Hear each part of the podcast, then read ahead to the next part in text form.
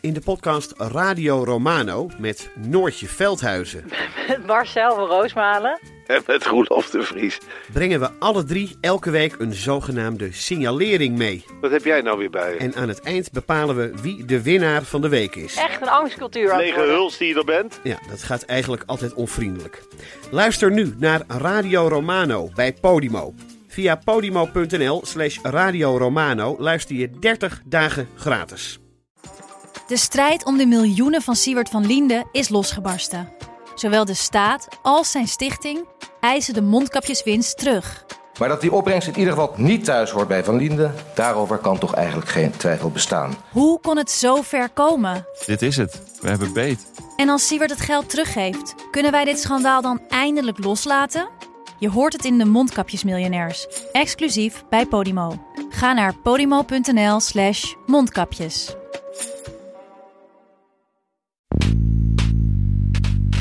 De schade die PiS heeft aangericht is immens. Niet alleen economie, democratie, maar ook uh, wat betreft de welzijn van mensen. Wat, uh, wat hun mentale toestand is ontzettend uh, belangrijk. Mensen zijn agressiever, mensen zijn niet meer optimistisch, angstig, noem maar op. Als burgerrechten worden beknopt, dan is het niet goed met zo'n land. In 1989 Heftig. waren de eerste vrije verkiezingen in Polen. Dat was ook het jaar waarin de Berlijnse muur viel. Ja. waar was u toen? Toen zat ik thuis voor de, voor de buis huilen. Ik besefte in mijn in de binnenste van mezelf, dat wat daar zie ik gebeuren, dat, dat gaat enorme gevolgen hebben voor Europa. Het is een hereniging van Europa, Oost met West. Ik zat echt te huilen. Ik, daarna had ik een feestje in de Koude Oorlog. Dit is Betrouwbare Bronnen met Jaap Jansen.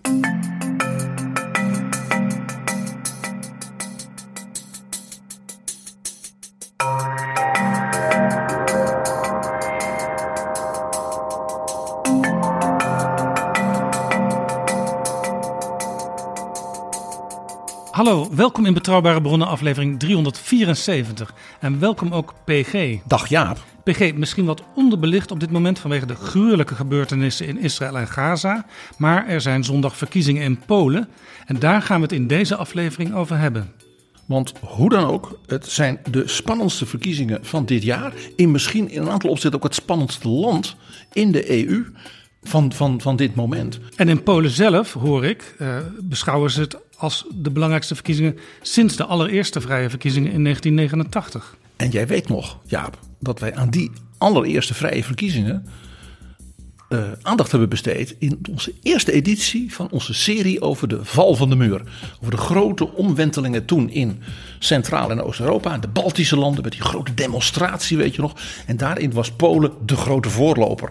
Met Hongarije samen, bij Polen natuurlijk vooral, omdat daar vrije verkiezingen kwamen. En toen de partij van de vakbond Solidarność alle zetels. Deze verkiezingen zijn een confrontatie van twee visies. En zijn ook een confrontatie van twee erfenissen van die eerste verkiezingen. Want tegenover elkaar staan twee erflaters van Solidarność.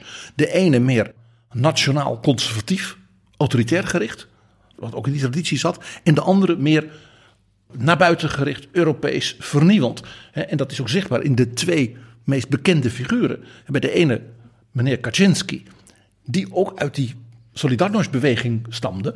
Maar dat geldt ook voor Donald Tusk, die zelfs een beetje een wilde studentenleider was in die tijd, ook in de gevangenis zat. En die ook de aanvoerder werd van de Europese christendemocraten. Ja, en deze verkiezingen, de uitslag hiervan, die zal grote impact hebben, ook op ons, op de Europese Unie en breder. Ja, want wie nu de leiding neemt in deze tijd, met de oorlog in Oekraïne, uh, is het buurland van Belarus, maar het is ook bij Kaliningrad buurland van Rusland zelf. Hè? Dat is een groot land, Polen. Dat wordt misschien in Nederland wel eens vergeten. Het is letterlijk en figuurlijk in vierkante meters een groot land. Ook in bevolking een groot land. En het is economisch natuurlijk een heel dynamisch land. Dus het is heel bepalend voor zeg maar, de koers van de Oost-Europese en de Centraal-Europese leden ja, binnen de EU. Binnen de EU uh, en de NAVO ligt natuurlijk Polen ook. regelmatig dwars uh, samen met Hongarije. En uh, nu ook met Slowakije, waar een nieuwe premier is gekozen.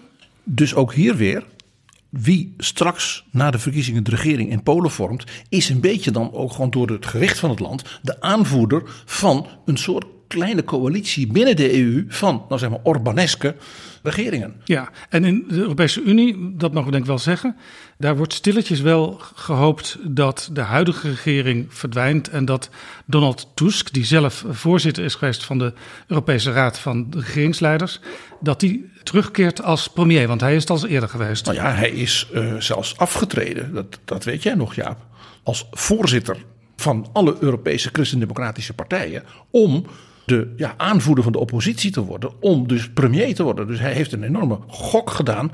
Uh, uh, want hij had eigenlijk een hele mooie en eervolle baan in, in, Brussel, zal ik maar zeggen. Die heeft hij opgegeven om dit te doen.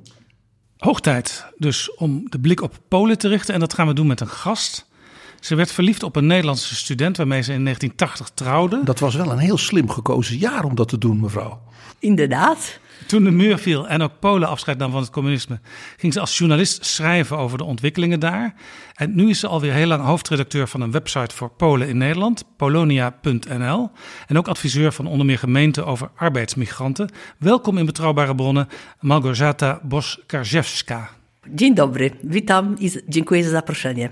Bedankt voor de uitnodiging eh, om in Betrouwbare Bronnen te mogen optreden en verhaal vertellen. Nog even één keer, wat is Betrouwbare Bronnen in het Pol? Wiarygodne źródła. Zeer belangrijk woord, gebeurt zelden in Polen. Prachtig. Nou, ik vind een fantastische titel. U hebt een website met Pools nieuws. U was vorige week in Polen. Hoe is de sfeer daar aan de vooravond van deze belangrijke verkiezingen? Ja, ik was uh, vorige week in Polen, in Gdańsk. Dat is mijn geboortestad, tevens geboortestad van Solidarność, de vakbond. Ook van Lech Wałęsa, de voorzitter van uh, Solidarność. En ook van uh, Donald Tusk. Donald studeerde geschiedenis, ik studeerde economie, maar ik ben uh, sinds 1989, kort na de uitbraak van Solidarność, ben ik inderdaad naar Nederland uh, gekomen. Ik was dus in Gdańsk, ik heb een heleboel mensen, kort bezoek, ik heb een heleboel mensen gesproken, ik wilde juist de sfeer proeven en precies uh, achter weten komen wat, wat media niet vertellen. Dus ik heb een heleboel mensen vragen gesteld, waarop ga je stemmen, et cetera. En ik kwam achter een heleboel mensen aarzelen. Mensen weten niet, mensen die vroeger op PiS hebben gestemd, of trouwen PiS, uh, dus regeringspartij, stemmers waren van de goudige regering, die zeggen nee, daar ga ik niet op stemmen. Maar waarop, dat weet ik nog niet. Dus mensen ja, hebben geen Veel zwevende kiezers dus. Ja, 20 uh, procent uh, ongeveer wordt geschat. Maar opkomst in Polen is traditioneel zeer laag. 51 procent geloof ik. ik heb de laatste vijf jaar uh, uitgerekend, was gemiddelde 51 procent. Ja. In de parlementaire verkiezingen. Bij de presidentiële is ietsje hoger. Dus moet je na een heleboel mensen laten politiek links liggen. Maar in ieder geval, die zwevende kiezers zijn zeer belangrijk. En met Heel name... belangrijk, stel nou dat die zwevende kiezers... Hè, die vroeger op de regeringspartij, de PiS, stemden, dat die zeggen: Ik weet het niet en ze blijven thuis. Ja, en, jammer, hè? en de andere kiezers zijn bijvoorbeeld gemotiveerd, ja. uh, dan, dan, dan heeft dat enorme impact ja, op zo'n uitslag. Klopt, maar de redenering kan ook andersom gesteld worden. Dus dat, dat, dat weten we niet tot het laatste moment, want het verschillen tussen die partijen zijn niet zo groot. En op dit moment PiS uh, ligt voor met 38, 36 procent in de opiniepeilingen. Burgerplatform met uh, iets, iets onder 30 procent. Maar zijn nog twee andere partijen, democratische partijen van oppositie en nog een andere partij. Die hoort eigenlijk niet tot de democratische oppositie, Confederatie Extreem Rechts. Dus verschillen zijn vrij klein tussen uh, die twee artsrivalen, Burgerplatform en, en PiS. Tussen dus Kaczynski-partij en, en Donald Tusk's partij.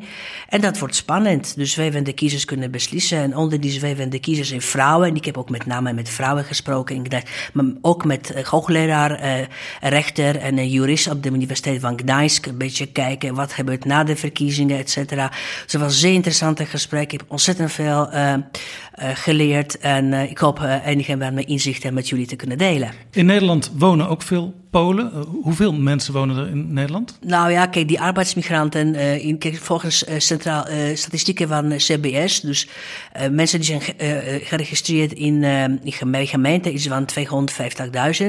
Plus moet je optellen tijdelijk aanwezige arbeidsmigranten, dus misschien 300 of meer, duizend. Hoeveel, hoeveel daarvan gaan stemmen? Nou, 37.000 hebben zich uh, ingeschreven, dat is record uh, all time. Uh, nog nooit zoveel Polen hebben zich ingeschreven voor de verkie parlementaire verkiezingen, überhaupt voor verkiezingen. Dus de Polen in Nederland hebben kiesrecht in Polen Tuurlijk, voor net als de Nederland, Nederlanders in Polen. Of Nederlanders in Indonesië of wanneer de Staten alleen Nederlanders kunnen eh, per post stemmen. Het is veel makkelijker. En hier gebeurt dat, uh, je moet uh, naar, naar ambassade of naar stemlokaal. Dat zijn vijf, in vijf steden. Dat is Den Haag, ehm, Amsterdam, Brunsum, Groningen en Breda. Brunsum. Ja, weet je waarom Brunsum? Nee. Ah, dat is een oude uh, mijnwerkerskolonie geweest. Hele sterke Poolse Precies. gemeenschap. Poolse, van Poolse staan daar nog steeds. Maar wat nog belangrijk is, daar is ook een uh, NAVO-hoofdkwartier. daar zitten een heleboel Poolse uh, officieren en militairen die daar werken. Dus dat is ook een beetje knieval aan de leger, Poolse leger die daar gestationeerd is. Hoe het allemaal precies zit met deze verkiezingen, daar gaan we het zo over hebben. Maar eerst, PG, zijn er nog nieuwe vrienden van de show? Ja, Jaap, die zijn er. En we zijn ze natuurlijk zeer erkentelijk. En het is er een heel stel, dus ik haal diep adem. Dankjewel Niels, dankjewel Eddy, Pim, Jan en Gijs. En uh, zijn er ook nog losse donaties binnengekomen? Die zijn er ook, Jaap. Het zijn er ook weer een heel stel, dus ik haal weer diep adem. Heel veel dank, Lotte Bruggemanski, bijna Pools. Ja. Jaap en Nienke. En uh, de vrienden van de show die konden meedingen naar het prachtige boek uit de vorige aflevering. De scheiding die niemand wilde. Het boek van Willem de Bruin. En we mogen de winnaars bekendmaken. PG, aan jou de eer. Ja, dat is uh, ontzettend leuk. En uh, ik zou bijna zeggen, wees een beetje jaloers op die mensen, want het is een geweldig boek. De eerste die ik mag geluk wensen is Dries in Naarden. En zeker zo gelukkig is Anne in Schiedam. En dan is er nog Pim in Duiven. Ja, en Pim die schrijft ons... Als geschiedenisstudent kan ik altijd erg genieten van jullie podcast. Ik ben altijd blij als er weer een nieuwe aflevering verschijnt... zodat ik wat te luisteren heb voor onderweg naar school. Ook vond ik de aflevering erg interessant... omdat ik laatst in Antwerpen was en mij toch afvroeg... hoe het zo is gekomen dat deze mooie stad niet meer bij Nederland hoort... en hoe zonde dit toch is. En dat is het ook. Pim heeft helemaal gelijk. Dan nog meer winnaars, Jaap. En dat is wel heel leuk. Jaap en Prudence in Rampna in Frankrijk. En die hebben ook een heel interessant uh, mailtje gestuurd. Jaap schrijft: Een voorvader van mijn echtgenote, Lammert den Beste, was als fuselier betrokken bij de strijd om de citadel van Antwerpen. Twee documenten, één certificaat van aandenken daaraan en een officieel paspoort van vrije doorgang terug naar Nederland, beide uit 1833, hangen bij ons ingelijst aan de muur. Dat is toch fascinerend. Want Wim de Bruin vertelde dat hij op het idee kwam doordat hij een onderscheiding van zijn overgrootvader vond. Dit soort herinneringen die er nog zijn. En dan nog, laat ik niet vergeten, de laatste winnaar, namelijk Friso in het schone Tervuren. En Friso schrijft ons: Zo'n 30 jaar geleden ben ik verhuisd van Amsterdam naar Vlaanderen. Toen zei ik nog België, maar dat bestaat helemaal niet. Ik woon in Vlaanderen en ik werk in Brussel. Boodschappen doe ik in Wallonië. Wanneer ik drie kilometer rijd, ga ik een grens over. Er is geen bord en geen slagboom, maar men spreekt er een andere taal. Men kijkt andere tv, men leest andere kranten. Ja, want Tervuren ligt daar uh, aan die zijkant van Brussel. Het beroemde park en alles. En dat is inderdaad op de grens van alle drie die, uh, die gemeenschappen en en die grote stad. En hij zegt, de scheiding die niemand wilde, zo laat het zich nog steeds voelen. Het is nog steeds een uitdaging waar wij Nederlanders niet goed mee om weten te gaan. Allemaal hartelijk gefeliciteerd met het boek. Het uh, komt naar je toe. Misschien ligt het zelfs al op je deurmat. Amour sacré de la patrie. Dit is Betrouwbare Bronnen. PG, voordat we uitgebreid met Malgorzata gaan praten over de situatie nu, kun jij als historicus kort even de situatie schetsen van het nieuwe moderne Polen? Nou ja, we hoorden Malgorzata al zeggen dat zij uit Gdansk komt. Hè, de stad van Solidarność, de stad van Lech Walesa. En dus ook van de Leninwerf, zo heette dat. Dus de, de, de, grote scheepswerf die heette Lenin. Wat gewoon een, een, manier was ook van het communisme en van de Sovjet-Unie om zijn stempel te drukken op dat andere land en ook die andere cultuur en die mensen daar. He, dat was ook een vorm van bezetting, geestelijke bezetting. Dus dat nou juist de, uh, de werfarbeiders daar onder leiding van Lech Walesa begonnen met hun verzet en die zeiden we willen een eigen vakbond. Dat was dus heel symbolisch ook meteen. Lech Walesa is trouwens deze dagen 80 geworden. Uh, en uh, hij, uh, hij, loopt geloof ik met alle demonstraties mee om Donald Tusk te ondersteunen. Want hij is nog altijd een beetje een rebel. Dat is hij ook altijd gebleven. In die tijd voelden de Polen zich ook gesteund door de paus die uit Polen kwam. Ja, dat was een ongelooflijk belangrijk zeg maar, cultureel, spiritueel gebeuren. En ja, dat kon het, het Kremlin ook niet. Ze konden niet alles plannen in het Kremlin. Dat er een Poolse aartsbisschop van Krakau, Karol Wojtyła, dat die werd gekozen tot paus in 1978. En dat was een, een relatief jonge paus. Maar het was ook een man met een jonge geest. Het was een sportman. Hij was heel literair. Hij schreef toneelstukken, gedichten. Ja, een hele bijzondere, ook charismatische man. En ja, voor die Polen, dat was natuurlijk in die communistische tijd een soort bevrijdingsmoment. Dus toen hij een jaar later op pelgrimstocht terugging naar Polen, dat was voor dat regime natuurlijk een ramp. Want ze moesten hem ontvangen met alle eer. Hij was een zoon van Polen. En ja, er stonden miljoenen mensen ja, in Warschau. En toen was een openluchtmis. Nou ja, je begrijpt. Dat regime kon alleen maar ja, toekijken. Ja, en het mooie is van Polen is dat de mensen, eh, zou je kunnen zeggen, het echt zelf hebben gedaan. Hè?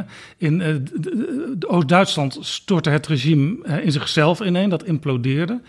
maar hier begon het echt met Solidarność. Ja, het, het bijzondere van Polen is dat de Polen, wij zouden eigenlijk zeggen bottom-up, zo zichzelf zijn gaan organiseren. Waarbij natuurlijk erg behulpzaam was, was dat Polen uh, een hele sterke nationale identiteit. En natuurlijk ook doordat iedereen in Polen zeg maar, klassiek rooms-katholiek was, was dat ook een soort spirituele verbondenheid tegenover het communisme. Het is een heel beroemd verhaal dat de Poolse premier een keer bij een staatsbanket bij de koningin van België was. En toen zei ze: Maar u bent volgens van een heel katholiek land, zoals wij Belgen ook. Maar u bent ook een communist. En toen zei hij: Majesteit, ik ben als katholiek gelovig maar niet praktiserend. Als communist ben ik niet gelovig, maar wel praktiserend. Dus die wat merkwaardige compromis in het dagelijks leven, ja, daar hadden de Polen een manier voor gevonden. En het regime kon niet, zoals in Oost-Duitsland met de Stasi en dergelijke, te ver te ver gaan. Ja. Dan krijg je iedereen tegen je. Ja, dat is een verhaal op zich, uh, eh, PG. Als we nou de tientallen jaren daarna kijken, hoe, hoe ging het verder met Polen? Nou ja, je kunt, als je het heel in één zin wil zeggen, Polen is een ongekend succesverhaal. Men heeft ook, denk ik, door die, ja, die moed om vanzelf van onderop, als ware, jezelf te bevrijden, heeft heel veel krachten losgemaakt, ook onder de jonge mensen. In de zin van, we gaan er echt iets van maken van dat nieuwe leven. De Polen zijn ook heel enthousiast Europeanen geworden. Als je kijkt ook nu naar de peilingen, jongeren, dat zijn getallen van 85, 90 procent. Die zeggen: hè, Europa is onze toekomst, wij willen ook in Europa. Dus de Polen zijn natuurlijk ook heel ondernemend gebleken. Zodra Polen lid was van de EU, gingen die Polen ook overal in Europa werken. Daar werd hier dan wel eens over geklaagd, dat was zelfs een meldpunt. Maar het is natuurlijk een uiting van een ongelofelijke drive. We willen er wat van maken. We gaan in een ander land dus ook studeren. We gaan daar werken en dan leren we daar dingen. En dan gaan we daarna terug. Wat je dus nu ziet, door dus het economisch succes van Polen. Dat heel veel van die Polen ook na brexit als massaal teruggaan. En in Polen zelf aan de slag banen hebben en wat wel niet. Nou, dus dat is echt heel bijzonder. In Polen is eigenlijk gelukt qua economische hervormingen. Introductie van de markteconomie, een een goed functionerend financieel systeem, governance, wat dus in Rusland in die tijd van Yeltsin ook geprobeerd is, maar mislukt. En dat is een heel, heel belangrijk element ook voor de verhouding van de Polen en de Russen. de Russen zijn in zekere zin diep jaloers op. Ja, dus ook voor het zelfbewustzijn van de Polen. Ja. En dat heeft nog weer een andere kant, dat zelfbewustzijn. Dat zie je eigenlijk in dus Kaczynski en Tusk. Bij Kaczynski is dat zelfbewustzijn is als het ware sterk nationalistisch geworden. Daarmee zowel anti-westers als ook natuurlijk altijd anti-communistisch en daarmee anti-Russisch. Terwijl het bij Tusk dat zelfbewustzijn als daar Europees is geworden van wij Polen, wij mogen ons laten zien, wij kunnen er wat van, wij kunnen in Europa ook een leidende rol vervullen en daar zijn we trots op. En dus een hang naar meer openheid. Ja, en dan zitten we al helemaal in het uh, onderwerp wat we met uh, Margareta Bos gaan En daarom bespreken. dat deze verkiezingen, zoals de Duitsers noemen, een Richtungswahl is. Het is een keuze van welke kant van Polen, van, die, van dat zelfbewustzijn, welke vorm van dat zelfbewustzijn gaat als het ware de, de, de sterke worden. We gaan naar onze gast uh, Margareta. U kwam in 1980 naar Nederland. Had u toen al het idee dat er snel dingen zouden gaan veranderen in Polen? Nou, toen ik kwam was na, na, nadat Solidarność is al geboren. Dus toen ik naar Nederland kwam, uit communistisch Polen natuurlijk. Uh, ik woonde in Amsterdam, dat was voor mij een, een, een paradijs op aarde. Wat me opviel. Waar, waarom, waarom, wilde u naar Amsterdam? Ja, u, u, was verliefd, dus, dus daarom wilde u. Nou, maar... ik, ik, we trouwden net twee weken of een maand voordat de stakkingen in, Solida in, van Solidarność in Gdańsk zijn uitgebroken. En mijn man uh, heeft net een bank gekregen bij, uh, bij ABN-bank in Amsterdam. Want hij is Nederlander? Hij is een Nederlander. Wij, uh, wij leren elkaar kennen als studenten economie. Beide hebben economie gestudeerd. En dus wij, wij, ik kwam in Amsterdam terecht en ik begon mijn studie aan de Universiteit van Amsterdam. ik merkte geweldige belangstelling voor Polen. Uh, kranten stonden vol. En kranten over mijn geboortestad, over Wałęsa. Dus dat inspireerde me enorm. En met ja. U kon natuurlijk over elke straathoek die in de krant werd ges nou, beschreven, spreken, kon u iets vertellen. Uh, jawel, jawel. En ik voelde het sterk aan, weet je. En, uh, Had u het niet het idee, ik ben naar het verkeerde land gegaan. Ik had in Polen moeten blijven? Uh, nee, nee, ik kwam voor liefde hier en ik voelde mij als een, uh, als een vrije vogel in, in Amsterdam. En ik genoot van die vrijheid in alle opzichten. Dus ik kraas, mijn man uh, bracht knipsels uit kranten van de Neue Zürcher Zeitung, van de Financial Times, New York Times. Alle westerse pers schreef over Polen. En dat was met terugwerkende kracht waarschijnlijk de reden waarom ik journalist ben geworden. Ik ben toen met, die, met die krantartikelen over mijn ik was zeer trots wat daar gebeurde. Maar ja, voor de, voor de, voor de uh, verkiezingen en, uh, en, en, en omwenteling moest ik nog een paar jaartjes wachten. In 89, dat is gebeurd. Ja, want wat iedereen misschien wel een beetje vergeten is, maar wij historici niet, was natuurlijk de eerste jaren na uh, de komst van Valenza en Solidarność. Natuurlijk het leger met generaal Jaruzelski. Ja. In zekere zin een opdracht van Moskou. Ja, dat is 13 december uh, 1981. Ik, ik herinner zeer goed. We zouden onze paspoorten lagen bij de ambassade in Haag. We zouden nog naar Engeland gaan, familie bezoeken.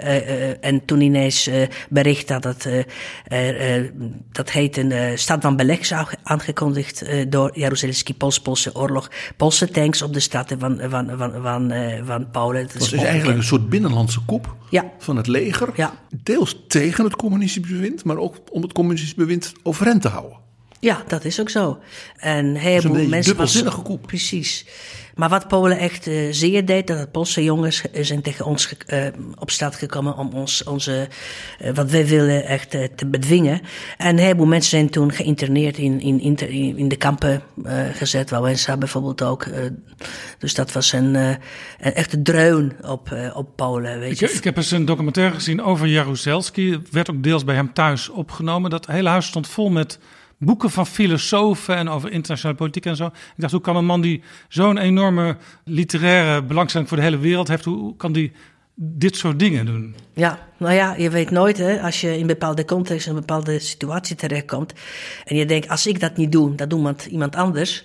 Ze waren bang natuurlijk dat Brezhnev... Polen waren bang dat, dat Russen zouden binnenvallen. Dus dat was in 68 Wordt gezegd, dat was minste kwaad. Wij doen ja. dat, weet je. Het was, het was of wat Precies. er gebeurde in 68 in Praag, in Tsjechië, ja. Tsjechoslowakije. En 56 in Budapest. En Budapest.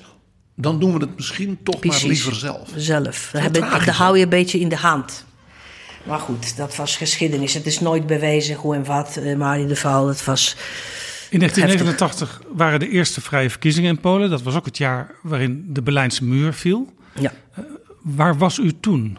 Op, op, op, op, op dat, eigenlijk dat dubbele, remarkabele moment? Uh, toen de uh, Berlijnse muur viel, toen zat ik thuis voor de, voor de buis huilen. Ik besefte in mijn in de binnenste van mezelf, dat wat daar zie ik gebeuren, dat, dat gaat enorme gevolgen hebben voor Europa. Het is een uh, hereniging van Europa, Oost met West. Ik zat echt te huilen. Ik, daarna had ik een feestje, einde Koude Oorlog, thuis. U dacht echt, nu komt alles goed? Ja, dat was uh, ja, eindelijk bevrijding van, van, van, van, van, uh, van uh, zeg maar, voormalige Oostblok, Polen, Tsjechië, Tsjechoslowakije. En dat komt goed. En ja, dat gerenje van Duitsland zou komen, dat toen kon ik helemaal niet, niet voorspellen. En, maar dat is ook gebeurd. Dus dat was voor mij. Ik voelde van binnen ja, dat voor mijn ogen een bijzondere dag in de geschiedenis van Europa zich voltrekt. En ik zat echt te huilen voor de televisiebuis. En op dat moment was Helmoet Kool in Warschau. Juist. Voor zijn eerste staatsbezoek aan de Poolse regering. En tijdens het banket kreeg hij die mededeling: ja, u moet misschien even naar een televisie hollen. Ja. Een Ja. geweldig verhaal. Ja. Dat hij dus daar dat in Polen, Ja. dat is ook historisch natuurlijk heel, heel markant, dat hij in Polen de, naar de scherm keek en toen maar zijn bureau is gaan bellen in Bonn. Ja. En toen zeiden ze, ja, Herr Bundeskanzler, op dit moment valt de muur. Zurück naar huis. En toen heeft hij tegen zijn rechterhand, die dus voor hem hè, Ja. het bureau leidde, Ja. is het sinds u sicher? Bent u, bent u wel? Bent u niet? Precies. En toen heeft hij, de, heeft hij de telefoon tegen de, het scherm van de televisie gehouden. Als bewijs. Want dat was een live uitzending uit de Bundestag. En daar stonden de mensen huilend het volkslied te zingen. Mhm. Ja, toen wist Helmoet Kool dat het echt waar was. En toen is hij dus die, die nacht nog teruggegaan naar Bonn. Om vandaar weer naar Berlijn te gaan. Ja. iedereen was, ja, eh, ja, wist niet wat hem overkwam. Ja, precies. Dat waren En u ook? Ja, ik ook niet. Nee, dat waren zeer historische tijden.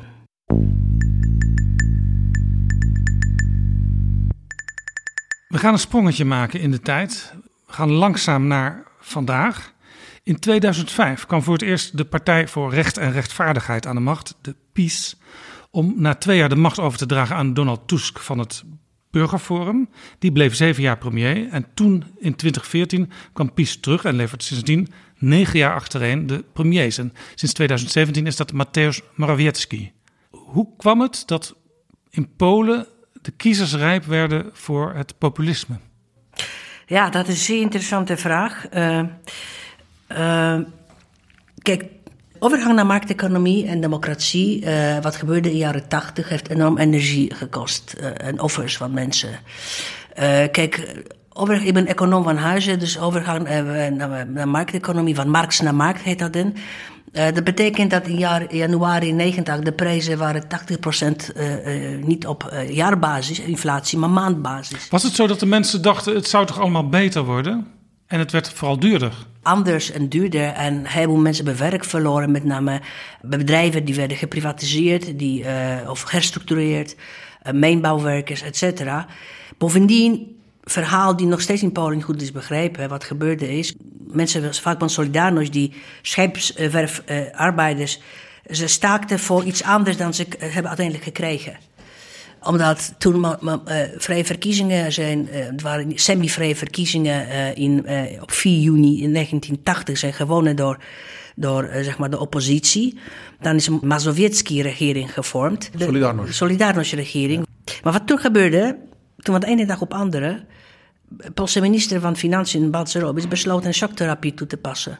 Op die manier een markteconomie in Polen eh, te, in te voeren. Dus van 1, van 1 januari, ik ging toen met de Volkskrant samen eh, dat hele eh, transitie-overgang verslaan. En dat wilden eigenlijk de arbeiders niet, weet je. Arbeiders wilden eigenlijk beter lonen, eh, vaste, eh, vaste werk, beter, eh, goede prijzen voor suiker en geen tekorten in de winkels. Dat ze normaal kunnen leven. Maar Eigenlijk zoals alle arbeiders in de wereld, heel begrijpelijk. Precies, maar niemand toen heeft gesproken over overgaan naar kapitalisme. Democratie was ook vaag. Niemand Als je, als je volle winkels wil, dan heb je een andere economie nodig dan die van het communisme. Dan weet je, die, die hele notie van democratie, kapitalisme waren helemaal niet aanwezig. Niemand was daarop vo- voorbereid, mentaal. En ook adviseurs en, en ook die hele oppositie, intellectuelen die uit Warschau naar Gdańsk kwamen om uh, van mensen te adviseren. Niemand. Ze waren helemaal niet voorbereid. En ineens dit. Oké, democratie, dat betekent dat ineens, nou ja, parlement was het als het ware, maar die moest met nieuwe mensen bemand worden, van, eh, van eh, eh, nieuwe Tweede Kamer, of Poolse Tweede Kamerleden. Maar een markteconomie, dat is totaal ander piece of cake. En dat, en dat was een dreun voor, voor de arbeiders. De staatsbedrijven gingen natuurlijk allemaal over de kop. Of geprivatiseerd. En die privatisering betekende Ja. dat ja, de oude, de oude man- managementlaag natuurlijk weg, weggesneden werden. Dat Dus werd die- verwesterd. Dus die mensen voelden zich eh, eigenlijk verraden. En later heeft PiS, Kaczynski op Tusk, omdat de partij van Tusk is eh, mm, begin jaren negentig, dat heet net iets anders. Toen begonnen ze, liberalen. Of heeft Kaczynski op hem een, een etiket, label geplakt, eh, dat hij echt eh, solidarisch mensen heeft verraden en verkocht. Ja, oorspronkelijk zaten ze allemaal samen in Solidarność. De mensen die nu tegenover elkaar staan. Nou, samen wat is samen. Kijk, Solidarność was een zeer losse mozaïek, een losse groep eh, van eh, arbeiders, soort van vakbond, daaromheen eh iets van 10 miljoen leden. Weet je, ineens hadden ze, na, na, nadat ze hebben die akkoorden gesloten met communisten, 10 miljoen. Dus die, die, die, uh, dat was een zeer brede beweging. Daar zaten ook uh, intellectuelen van verschillende pluimage. Links, uit Michnik, en, en, en, en, maar ook uh, katholieke mensen, ook, ook een beetje rechts. En Kaczynski behoorde juist tot die rechtse vleugel, nationalistische vleugel. En hij wilde eigenlijk vanaf begin, of in de jaren negentig, begin, toen al zijn visie was wat hij nu in Polen aan het uitvoeren is. Dus dat is, kwam niet uit de, zomaar uit de hemel vallen wat Kaczynski nu aan het doen is. Alleen hij doet het in extreem, extreme vorm. Ja, en, en hij, en hij dacht dus waarschijnlijk... ik kan gebruik maken van de onvrede die er heerst onder de burgers. Nu wel. Nu wel. Kijk, eh, die liberalisme, uh, invoering van de markteconomie, van de staatsbedrijven, rijken werden uh, mensen die bij, bij, bij, bij buitenlandse bedrijven werken of management. die mensen hebben goed, zijn, dat zijn de winnaars van, de, dan, van die overgang. Maar een heleboel mensen in platteland, kleine bedrijven, MKB's dus niet. En van die onvrede heeft Kaczynski gebruik gemaakt en geput om toen in 2005 eigenlijk de verkiezingen winnen. En toen kwam een cruciale frame door Kaczynski bedacht: solidair Polen versus liberaal Polen. En die frame was zo sterk dat uiteindelijk Kaczynski heeft toen uh, uh, die verkiezingen gewonnen. Als je naar de uitslagen kijkt, ook de voorbije jaren, je kijkt als het ware naar de politieke kaart van Polen, dan zie je een sterk toenemende, zeg maar, polariserende confrontatie tussen stedelijk Polen en het platteland. En met name ook het oostelijk deel van Polen. Heeft dat hiermee te maken? Nou, kijk, traditioneel als het oosten van Polen is uh, uh, ja, een beetje achterlijk gebied, minder ontwikkeld. Westelijk was dat uh, bij de delingen van Polen in de 18e eeuw begon het Pruisen, dus uh, die Polische wirtschaft toen is een beetje ontwikkeld, een beetje ondernemend, pragmatisch. Die mensen merken in het westen van Polen uh, zijn anders en ook dichter bij westen. Dus en het oosten een beetje uh, de Russische tsaar en mm, minder ontwikkeld. Dus in Polen had je altijd gezegd de Polen A, dat is westen, Polen B, dat is het oosten. Maar nu is dit ook aan het veranderen. Maar PiS heeft ook daarvan gebruik gemaakt, omdat ze willen dus het gewone volk vertegenwoordigen. Uh, mensen in het platteland. En dus zij zijn nu bijvoorbeeld uh, nadrukkelijk bezig om contact te zoeken met het platteland en uh, nadruk leggen op lokaal beleid. Wat mag dat zijn? Wat dat, retoriek, hè? dus hun electoraat zijn met name mensen in het platteland, ook oude mensen, senioren, katholiek. Ze hebben ook heel nadrukkelijk een soort uh, seniorenbeleid gevoerd hè, met de pensioenen ja, en de AOW. Om die extra als het ware te knuffelen. Precies. Uh, in, van, vanuit het idee, dan komen ze naar de stembus. Hè, die Klopt. mensen die zijn dan Dat is nu, loyaal. Ja. Maar, maar na, daarnaast hebben ze zaten met geld te strooien. Uh, met wat Tusk heeft altijd gezegd, dat kan niet. Omdat Daarna kwam Tusk aan de macht. En hij voerde zeer streng fiscaal beleid. Omdat waren de tijden van financiële crisis, 2008, de Europese Unie, het was 2009. Polen was die recessie bespaard. Ja. Maar hij vulde dat. Dus hij ging echt. en Tusk probeerde zich ook te houden aan de Europese afspraken over Precies. hoe je met de begroting omgaat. Ja, en ze waren echt toen echt streng. En uh, op een bepaald moment maakte hij twee dingen die uiteindelijk waren kapitale fouten van hem. Hij heeft aan de ene kant de uh, pensioenleeftijd verhoogd naar 67. En vervolgens heeft hij ook uh, in het kader van her, pensioenhervormingen, Polen gingen ook met de overgang naar markteconomie geld sparen voor eigen pensioen.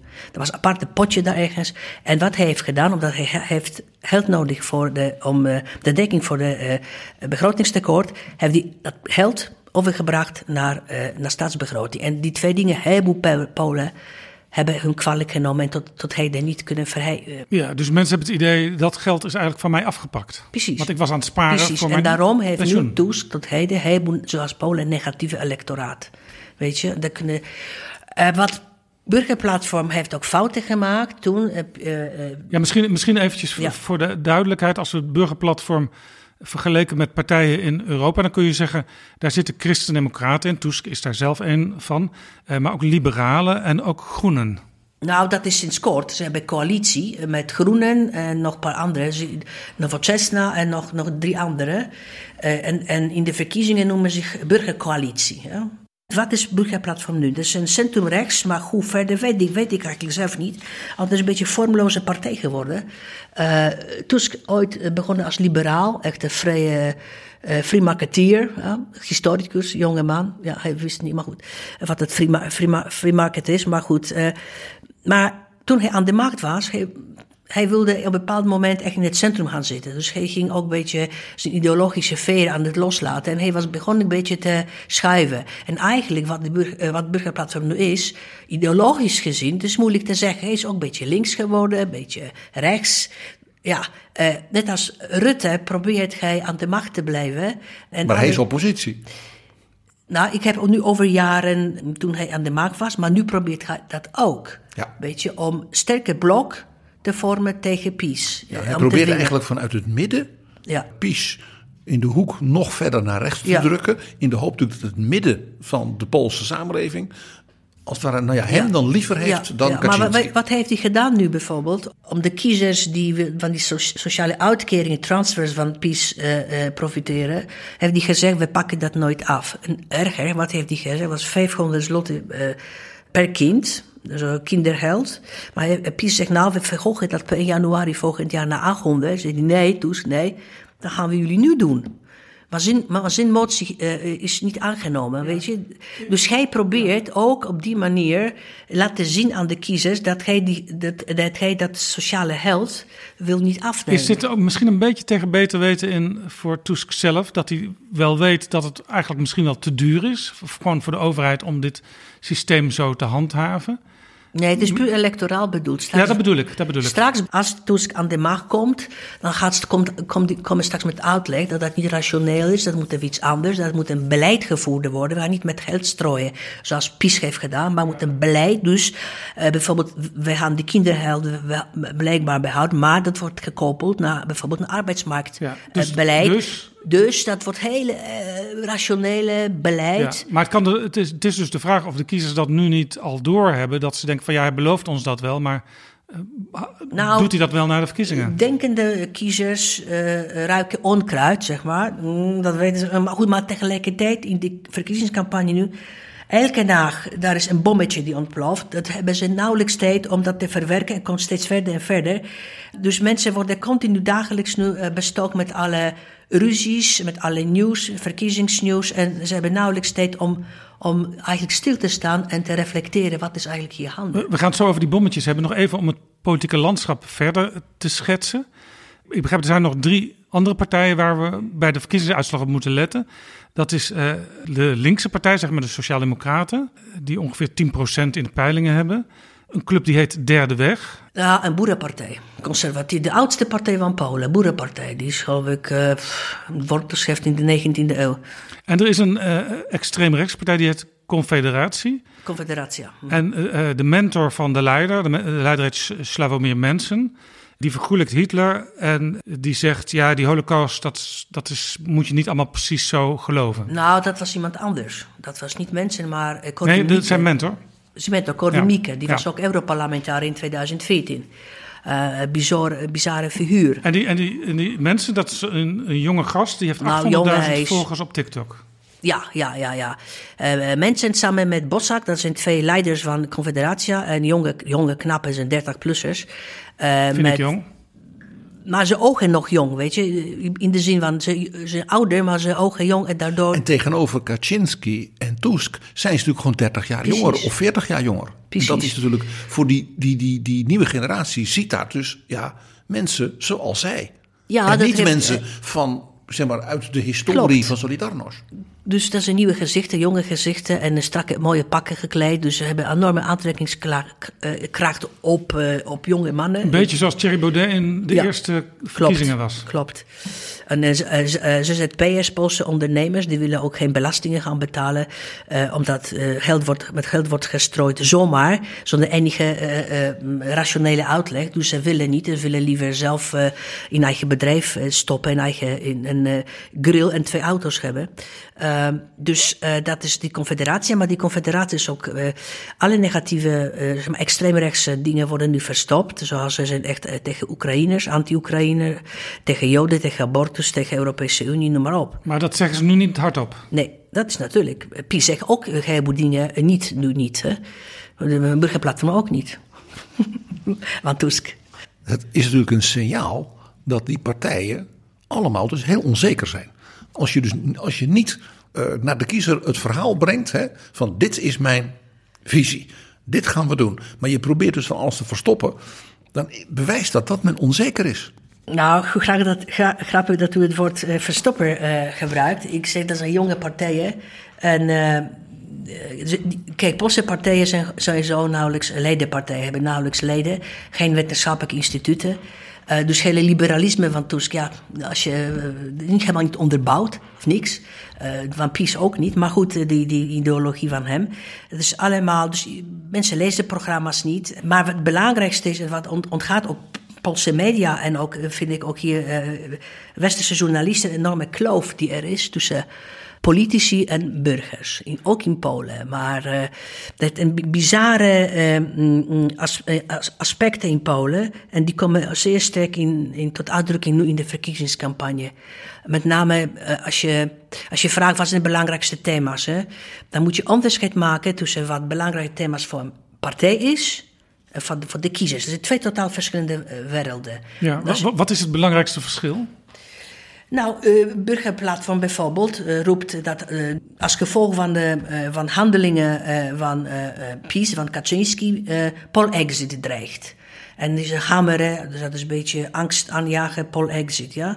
Een soort nexit of brexit ja, vanuit Warschau. Dus uitreding van, van Polen uit de Europese Unie. En, dat... en dan verlies je dus alle voordelen van Europa. Ja, ja je zou in zekere zin ook kunnen zeggen dat ze daar wel enigszins gelijk in hebben in die verwachting. Want de rechtsstaat is afgebroken de laatste jaren en daar wil PiS mee, mee voortgaan. Ja, en nee, Europa dat klopt. Kijk, stelt als eis dat je een goede rechtsstaat en inhoudelijk klopt het als bus, wat, wat, wat, wat, eigenlijk wat Tusk zegt. Maar ze leggen dat niet uit. Ik ben toevallig in Gdańsk vorige week op een persconferentie van een, een nummer 1 in, in Gdańsk, eh, een politica van Burgerplatform. En ze vertelde ook hoeveel geld eigenlijk Polen mist, want die uh, uh, corona-herstelfonds, uh, 130, nee, 35 miljard euro. Uh, Heel veel. Omdat Polen niet voldoet aan de milestones, voorwaarden van de Europese Commissie. Die heeft gesteld in verband met conflict met de rechtsstaat in Polen. Hè. Maar ze kon dat niet echt ze was bezig ze abstract te vertellen in plaats van con concreto. Technocratisch. Precies, het is arrogantie van de, van de politici. Ze zijn nog steeds bezig met zichzelf. En op zo'n cruciale momenten als verkiezingen zou hij moeten echt naar de burger gaan en moeite nemen om burger echt uit te leggen waarover het gaat. Want ik vind belangrijk wat verkiezingen zijn. Verkiezingen is ook een belangrijk leerproces. Om aan burger uit te leggen wat is eigenlijk hier aan. Het is het moment. Dat hebben ze dus niet gedaan. Ja, en de regeringspartij, de PiS, die vindt het blijkbaar overkomelijk dat ze dat geld uit Brussel niet krijgen. Want ze zeggen wij hebben hier ons eigen beleid in Polen. Nou, uh, ze, uh, ze willen niet uh, doen dus die uh, hervormingen niet uh, stoppen wat ze hebben gedaan. Dus rechters uh, en, en het constitutioneel tribunaal blijft.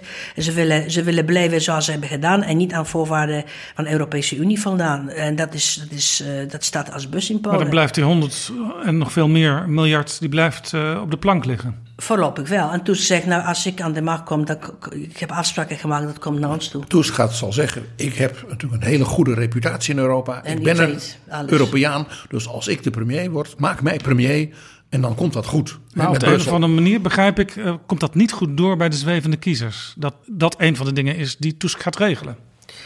Nou, ik weet niet of ze oor hebben naar dit soort dingen. Ze hebben oor naar andere dingen, weet je. Uh, er is een cacophonie van alles wat daar gebeurt.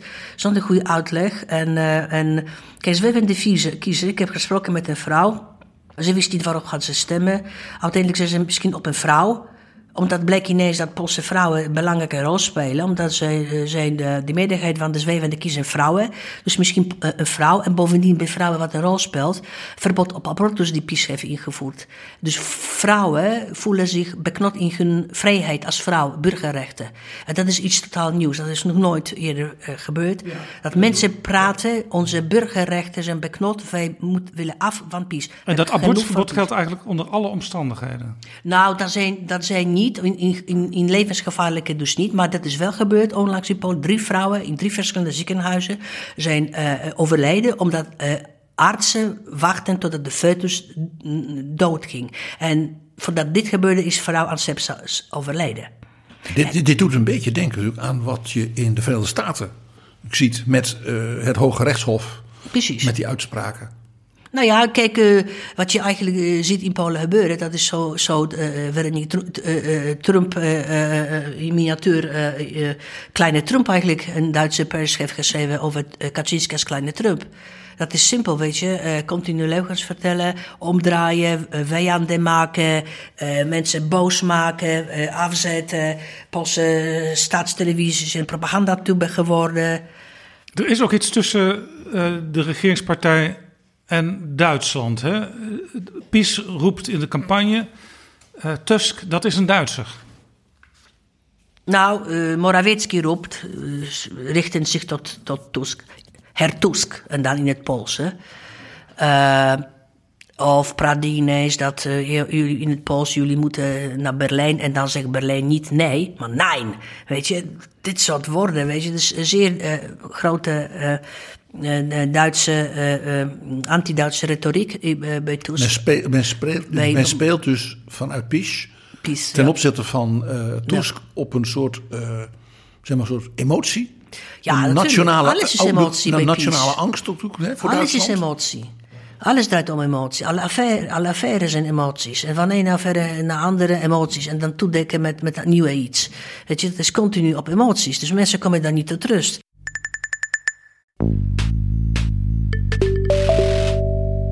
Dit is Betrouwbare Bronnen, een podcast met betrouwbare bronnen.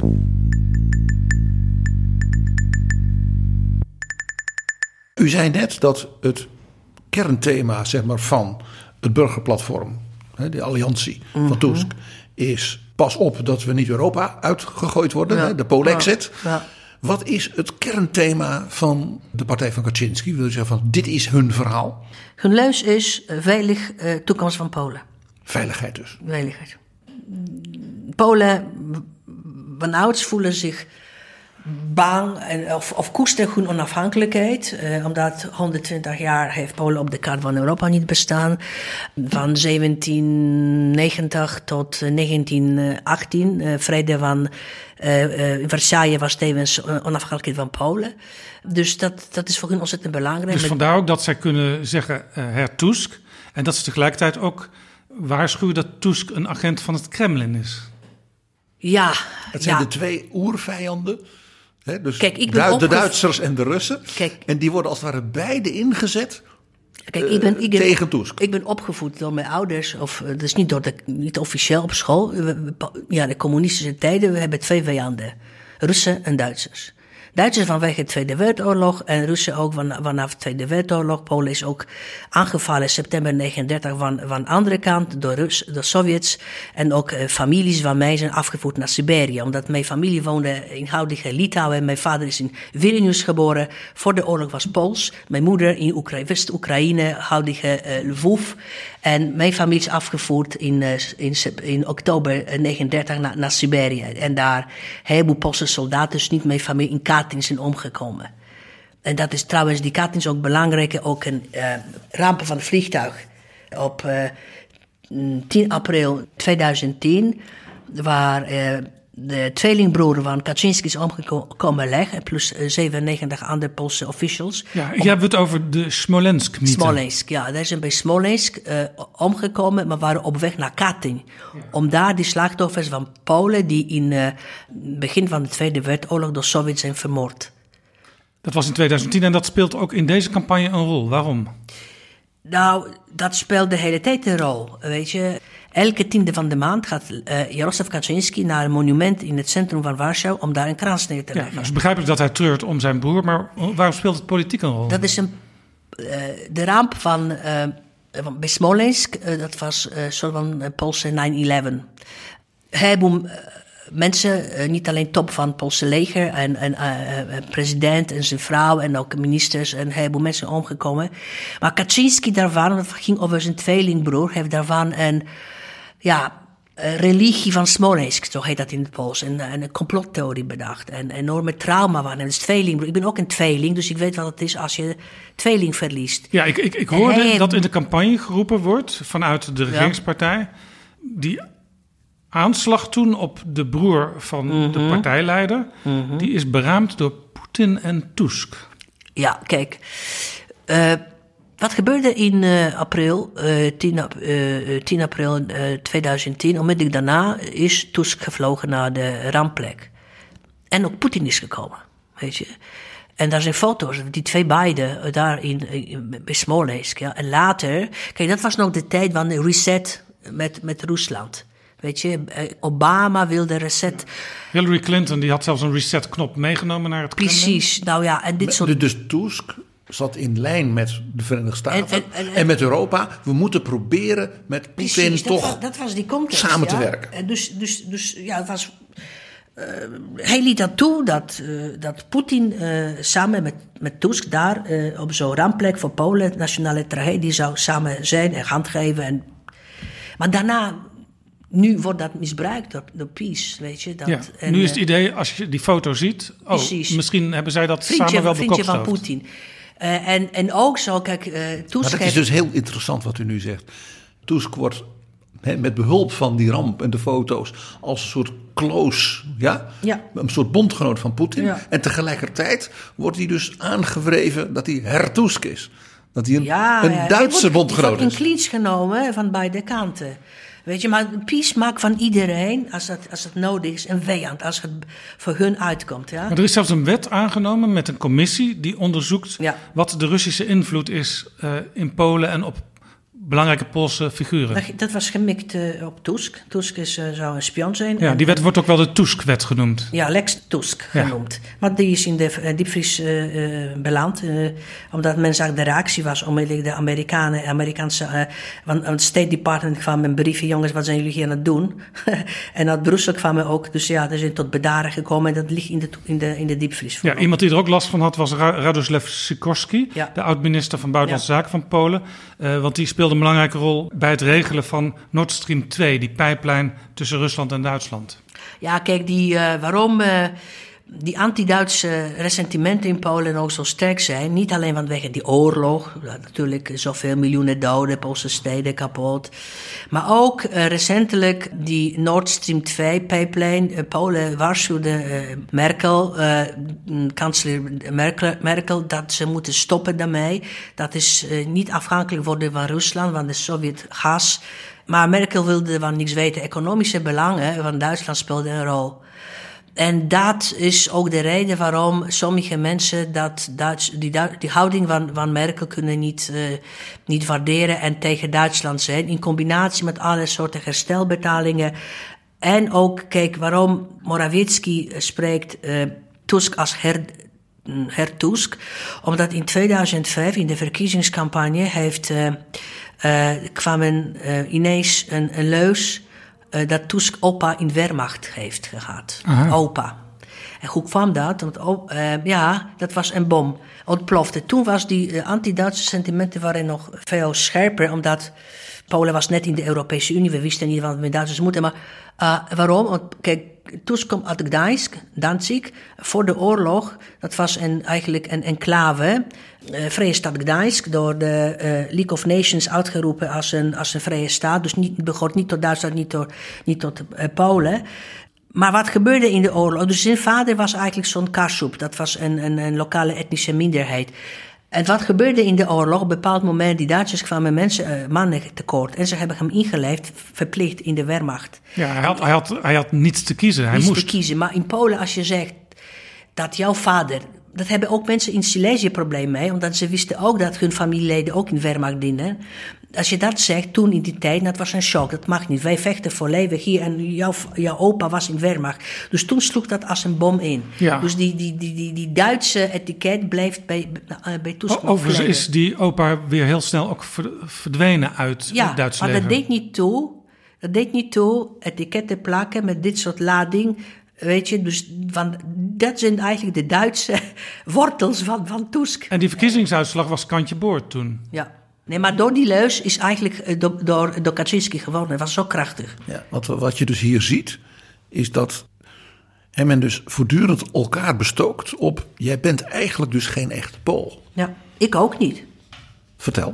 Nou, in ehm, 2000, eh, wat was het? Pies kwam net aan de macht. 2015, 2016 was eh, ik was op de Nederlandse televisie vertellen wat over wat in Polen gebeurt, erosie eh, van met het constitutionele tribunaal en zo. En op een bepaald moment men organiseerde de demonstratie in Amsterdam. En ik werd daar eh, journalist die tegen Polen doet, dus ik ben vijand eigenlijk geworden. Ja, dat was 2016. Dus dat was, eh, dat was ja. En in die tijd was Het was een tijd- demonstratie waar u werd gehekeld. Ja, onder, onder grote spandoeken, niet persoonlijk, maar op de Facebook, mijn naam werd genoemd. Ja. Weet je, eh, dus eh, in, dat was in die tijd, dat, ja, januari 2016. Dus eh, in die tijd, uh, Kaczynski heeft een onderscheid gemaakt in goede en slechte Polen. Goede, dat is in aangang, en slechte, dat zijn ik en anderen, die, die tegen Pies zijn, bij wijze van spreken. Dus als journalist mocht ik hier niet vertellen wat in Polen handen is. Maar goed, ik heb ook een interessant artikel toen geschreven, dat is ook relevant. In 2016, in februari, in Poolse uh, krant, heette Quo Polen. Uh, en samen met een, met een, met een uh, Pools-Belgische, Vlaamse filosoof, Alicia Gestinska, hebben we een pleidooi gehouden dat politieke partijen moeten zich gaan resetten. Om, wij conclusies trokken uit die verloren uh, verkiezingen 2015 en we hebben gezegd, wat moet eigenlijk gebeuren? En juist dat die politici moeten dichter bij mensen komen staan, politieke partijen moeten anders gaan opereren, vertrouwen, winnen van de kiezer, maar ook uh, krijgen van de kiezer. Ja. En alle wijze, wijze, uh, wijze ideeën die nog steeds relevant zijn, weet je. Als en, en ook artikel, meer worteling in de samenleving. Precies, en, en, en, dit artikel is nog steeds relevant. Die, die artikel kun je, kunnen politici moeten alsnog gaan lezen. Dat is in die tijd maar nog ze niet moeten gebeurd. Vooral, ik wil aan dat u wil dat ze het lezen, maar dat ze er ook gaan handelen. Ja, maar punt is, en dat is mijn, mijn, mijn, mijn, mijn, mijn beetje kritiek, Polen, hectiek is zo hoog en zo groot daar, dat mensen leren weinig. Ja. Je reflecteren is, weinig. Is het zo dat de, de, de PiS-partij er eigenlijk beter in slaagt dan de oppositie om een soort gevoel van warmte aan de mensen te geven? Zo van, uh, bij ons zijn de tradities veilig, je identiteit, uh, wij, wij zorgen voor families. Kijk, uh, electoraat van PiS wordt, wordt aangetrokken door twee grote eigenlijk, vectoren van hun aanpak. Eerste is die sociale transfers. Laat maar mensen geld strooien en dan kopen we als kiezers. Of mond dicht, dicht snoeren. Zoals de en oudere mensen, dat ze uh, de pensioenvoordelen... Pensioen of de kindergeld voor, voor moeders, voor jonge vrouwen. Uh, ga je, uh, als je kind krijgt, daarna krijg je 500 zloty per maand extra geld. Dus gebeurt nu dat jonge vrouwen, moeders willen niet gaan werken. Dat is een ander verhaal. Het is, het is een, een negatieve bijeffect van het uh, onbedoelde bijeffect van, dan dat, van dat. Ja, dat is dan weer slecht voor de economie. Precies. Maar de andere vector is cultuur. Culturele oorlog in Polen. Dus culturele dimensie, identiteit. En hier zien we niet alleen die oude mensen, maar ook veel uh, mensen met hoge diploma's, universitaire diploma's, hoogleraren zelfs, die staan achter PiS. Dat is hun protest tegen liberalisme. Dat is niet Polen waarin ze willen leven. Die traditionele waarden, conservatieve waarden, kerk, religie, vinden ze belangrijk. Ook. Speelt hier ook dat eigenlijk na de jaren van met de Poolse paus, dat de katholieke kerk in Polen de kant opgegaan is meer anti-westerse waarden. Paus Johannes Paulus was tot een man van de bevrijding. Maar toen Polen eenmaal in Europa kwam, werd de Poolse kerk als het ware die werd conservatiever. Die ging zich afzetten tegen de ontwikkeling in Europa en grotere maatschappelijke openheid. Dat is waar. Poolse kerk is gewoon de zingende Titanic nu eigenlijk. Uh, een heleboel mensen verlaten de kerk, gaan niet naar de kerkdienst, blijven katholiek, maar niet naar de kerk. Dat heeft Poolse kerk, pedofilie en noem maar op. En, en ook qua denken, dus dat is ondergang van Poolse kerk, wat we nu zien gebeuren. Maar wat, wat, wat eigenlijk, wat belangrijk wat daar is gebeurd, dat met de, met de met de kiele kapitalisme is eigenlijk, wat we zien, creëert het gevoel van leegte, ideologische leegte. Liberalisme was eigenlijk niet diep verworteld. Niemand wist wat het is. Dus die hele overgang naar markteconomie, dat kwam gepaard met heel heleboel daden, maar geen ideologie daarachter. Ja, veel technocratie en weinig warmte, zou je kunnen en, zeggen. En, ja, precies. En wat we ook zien, dus ideologische leemte.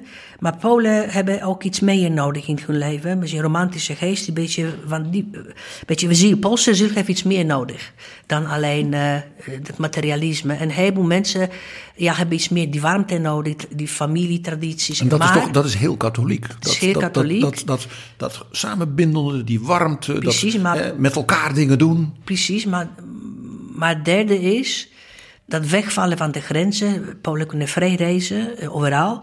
Eh, zorg ook dat de behoefte is aan eigen identiteit. Die is ook aan het vervagen.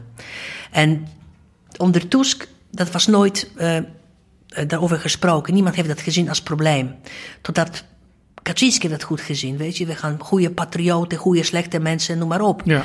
En, en dit, we zijn Polen, we zijn voor wit, uh, wit uh, rode vlaag. Uh, dus hij begon, begon te duiden. Dus, die, dus de die, vorige Tusk was iets te veel met spreadsheets aan de gang. Nou, die was eigenlijk... kijk, het is makkelijk kritiek te geven, maar mensen die waren bezig iets... iets geen enkele traditie, diepgang en zo, waren iets aan het uitvoeren. En ze hoopten hun best te doen. Tusk was verslaafd aan een, aan een, aan een leus. Skokcivilisatie, een beschavingssprong. Hij dacht dat met invoering van kapitalisme, met toenemende welvaart en groei, echt Poolse economie groeide, die macro-economische groei, dat dat trickle-down effect, dat gaat vanzelf naar iedereen toe komen. Ja, weet je wat dat, in Nederland wel eens gezegd wordt, eerst het zuur, dan het zoet. Precies, en dat gebeurde dus niet. En hij had niet, hij zag dat bijvoorbeeld bij een van de presidentiële verkiezingen iemand naar Tusk vragen stelde, een vrouw, meneer Tusk, en hoe kan ik van mijn salaris leven, weet je? Fatsoenlijk leven. En ze hebben niks gedaan. Ze lieten sociaal beleid, zoals wij dat in, in, in Nederland zeggen, gewoon laten liggen. En, dus, en daar heeft Kaczynski door, zeg maar, dat, nou ja, dat gulle beleid, om maar zo te zeggen. Ze hebben ruimte de, gegeven juist, ja, voor de opkomst en de bloei van Kaczynski. Dus uh, Otlaars bij Buitenhof was een uh, Bernie, uh, hoe heet die? Bernie Sanders. Sanders. En, en de presentator vroeg hem dat, dat Trumpisme, dat is eigenlijk succes um, of the failure of Democratic Party. Dan kun je zeggen dat eigenlijk PiS, opkomst van PiS, is ook de failure of burgerplatform. Hoi, ik ben Alexander Klupping. Ik weet dat jij, net als ik, met heel veel plezier luistert naar betrouwbare bronnen. Maar je zou Jaap en PG echt helpen als je nu vriend van de show wordt. Dat kan met een donatie, per maand of per jaar. En dan kunnen ze nog veel meer afleveringen maken en zeg nou zelf, dat wil jij ook. Dus ga nu naar vriendvandeshow.nl slash bb en doe het niet straks, maar nu. Een van de dingen die in elke verkiezingscampagne spelen, ook in Nederland, is wat al genoemd wordt het migratieprobleem. Hoe zit dat in Polen? In deze campagne is het zo dat PiS heeft bedacht, de Polen zijn, uh, zijn aangang, dus het ijzer uh, electoraat van, van PiS is tegen migratie, om eigen Poolse identiteit te begoeden van alle die islamieten. Maar er zijn toch heel weinig uh, moslim-immigranten in Polen? Nou, uh, nu blijkt dat dat echt behoorlijk van zijn economische arbeidsmigranten gekomen. Tot ieders verrassing blijkt dat ze ook uit de islamitische landen komen. Zou je dus kunnen zeggen dat, uh, omdat veel Polen naar Nederland, naar uh, Engeland en naar andere landen zijn gegaan om te werken, Ja. heeft Polen zelf weer nieuwe arbeiders ja, nodig? Ja, je ziet dat de wereldwijd uh, die hele problematiek verplaatst zich eerst in rijke landen, dan, dan in middeninkomenlanden, dan, dan steeds verder. Maar uh, Polen van ouds een beetje, uh, ja, uh, Pools zijn is ontzettend belangrijk, omdat die onafhankelijkheid, weet je, was zo belangrijk. Maar PiS buit het uit, gewoon. Uh, ze jagen angstmensen aan, bijvoorbeeld Morawiecki, maakt openlijk toespelingen. We willen in Polen niet hebben die branden zoals op Franse straten of in, of in Stockholm Ja, of Malmö. ja. Ze hebben onlangs ook samen met Hongarije geweigerd om in de Europese Unie een afspraak te maken met de andere Ja, nu wel, afgelopen Europese bijeenkomst. Maar dat heeft hij ook aangekondigd voordat hij naar, naar Grenada vertrok. We gaan dat veto. Hè. Dat, is, dat is hoe Polen werkt in de Europese Ja, Unie. tegelijkertijd is er een schandaal. Eh, er is sprake in Polen van illegale verkoop van visa voor het Schengengebied. Ja. Nou, met name het is ontdekt in, in, in Afrikaanse landen. Eh, daar voor, een, eh, in, eh, voor de Poolse ambassade zo'n krampjes waar je formulieren kan kopen voor 5000 dollar. En, en niemand weet precies hoe dat gaat, maar er is een, dus een corruptie. En die mensen die die, die Poolse Schengen, Schengen-visum krijgen, wordt niet nagetrokken wat voor mensen dat zijn. Dus dat is een risicofactor voor Schengen-landen. dus niet alleen voor Polen? Nee omdat je kan bijvoorbeeld een vliegtuig nemen van zo'n zo land, uh, Nairobi bijvoorbeeld. Je vliegt je naar Düsseldorf en dan verdwijn je in de Europese Unie. Hoef je niet naar Polen te gaan. En hoe is dat uh, naar buiten gekomen? Dat is ook een leuke anekdote. Poolse werkgeversorganisatie heeft een brief gekregen van, uh, van Amerikanen, of Amerikaanse ambassade, dat Mexicaans, Amerikaanse grens zijn Georgiërs met Poolse Schengenvisum aangetroffen omdat uh, met een Poolse Schengenvisum kun je zomaar Mexico binnenkomen. Dus Amerikanen, ho ho, wat, wat, doen die, wat doen die lui hier? Dus aan en de, die zuid, mensen, de zuidgrens van Amerika ja. wapperen de mensen met een Pools ja, visum? en ze hoopten zo Amerika binnen te komen. Ja. Maar, en toen bleek dat die mensen deden zich voor dat ze voor een Bollywood-Indiase filmmaker zijn. Ja, je, je kan alles verzinnen en dan reis je wereld rond met een Poolse Schengenvisum. En, en het ergste is risicofactor, als je niet checkt. We hebben vertrouwen dat alle Schengenlanden, ja. dat, dat, samen, dat die ambassades uh, goed checken uh, wie, wie, uh, wie, aan wie geef je ja, een visum. Maar die ambassades die vallen natuurlijk onder de, de Poolse regering, dus de regering heeft eigenlijk dubbelspel gespeeld. Nou, het ministerie van Buitenlandse Zaken, weet je, dat is. En ook Poolse Algemene Kamer is uh, vorige week uh, uh, binnen met controle gekomen bij het Poolse ministerie van Buitenlandse Zaken. En daarover de Poolse regering zwijgt in alle talen. Het is natuurlijk wel opmerkelijk als je dus een regering hebt die roept: hè, pas op voor moslims en voor migranten. Ja. En tegelijkertijd. Ja. van buiten de EU ja. allerlei mensen binnenhaalt als arbeidsmigranten. En er ook nog een soort nou ja, corrupte praktijk op nahoudt om ja, te handelen in visa. Nou ja, kijk, dus wat je kan zeggen, Polen, wat Polen doet eigenlijk. Dus hypocrisie aan de ene kant de achterdeur aan de uh, Pools-Wit-Russische uh, grens pushbacks. Streng, niet doen, niet, niet, en, aan, en aan de voordeur is open voor economische arbeidsmigranten of andere mensen. Ja? Dus dat is dubbelzinnig. Komt dit voldoende door bij mensen die overwegen uh, misschien wel op PiS te stemmen? Want ja, je, je kunt je gedachten hebben over migratie, maar dit deugt natuurlijk sowieso niet. Ja, weet je, kijk, in Polen is het zo. Uh, om dit soort kritische verhalen te, te vernemen of uh, verhalen over het beleid of over wat is gebeurd, dan moet je naar de, naar de commerciële zenders gaan luisteren. Of ja, kijken. want de staatstelevisie is in handen Toen, van de regering. Daar hoor ik totaal ander verhaal, om, om, alles is omgedraaid. Maar veel commerciële zenders zitten weer achter een abonnementsmodel, dus daar moet je voor betalen. Platteland, dus men kijkt alleen naar die Poolse stadstelevisie, die men niet, niet meer noemt stads, maar propagandatube. Uh, dus die mensen krijgen totaal een beeld van werkelijkheid voorgeschoten. Weet je, ze leven in een andere wereld. Dus uh, Boelboepol is in, eigenlijk in twee delen verdeeld. Uh, Pieswereld en de andere wereld. Ja. En die, voor die mensen het is niet belangrijk. Voor die mensen nu is echt belangrijk. Dus de andere uh, gebeurtenis, wat is uh, dinsdag gebeurd. Aftreden van twee, twee Poolse le legergeneraals. Ja, dat raakt ze wel. Daar is een heel bijzonder iets gebeurd. Hè, deze dagen in Polen. Dat twee hele hoge generaals. Die hebben gezegd wij zijn zo boos. Dat wij gewoon opstappen. Ja. En dat komt doordat de minister van Defensie blijkbaar ja, dingen heeft gedaan uh, waar die generaals niet van hoorden. En dat was niet de eerste keer. Want je, generaal is natuurlijk meestal niet iemand die bij de eerste de beste keer, als hij conflict heeft met de minister, dat hij wegloopt. Nee, denk nee. ik niet. Denk ik niet. Dat denkt u ook niet, hè? Wat is hier gebeurd? Nou, iedereen was uh, verbaasd. Uh, ik zat uh, naar, naar de televisie te luisteren. Ineens kwam dat nieuws. daarna, dat was een, een, een volstrekt ondenkbaar iets. zonder precedent in, in, in Polen. dat twee generaals, topgeneraals, alle, alle hoogste twee, zijn opgestapt. Ja, natuurlijk uh, speculaties wat is aan de hand. Dat een uh, ja, oneenigheid met minister. Maar goed, het verhaal is op dit moment zo dat uh, de Poolse minister van, Buitenlands, van Defensie, Błaszczak, heeft bij het operatie van um, repatriëring van Poolse toeristen uit Israël. Uh, hun beide gepasseerd en andere Ah, ja. leiding gegeven. Maar daarachter een heleboel dingen. Het was niet de eerste keer dat er zoiets gebeurde. Nou, er gebeurden nog andere dingen. Daar eh, kwamen nog meer verhalen bij. Russische raket bijvoorbeeld is gevonden uh, in april uh, dit jaar. Gevonden door een paardrijder in een bos.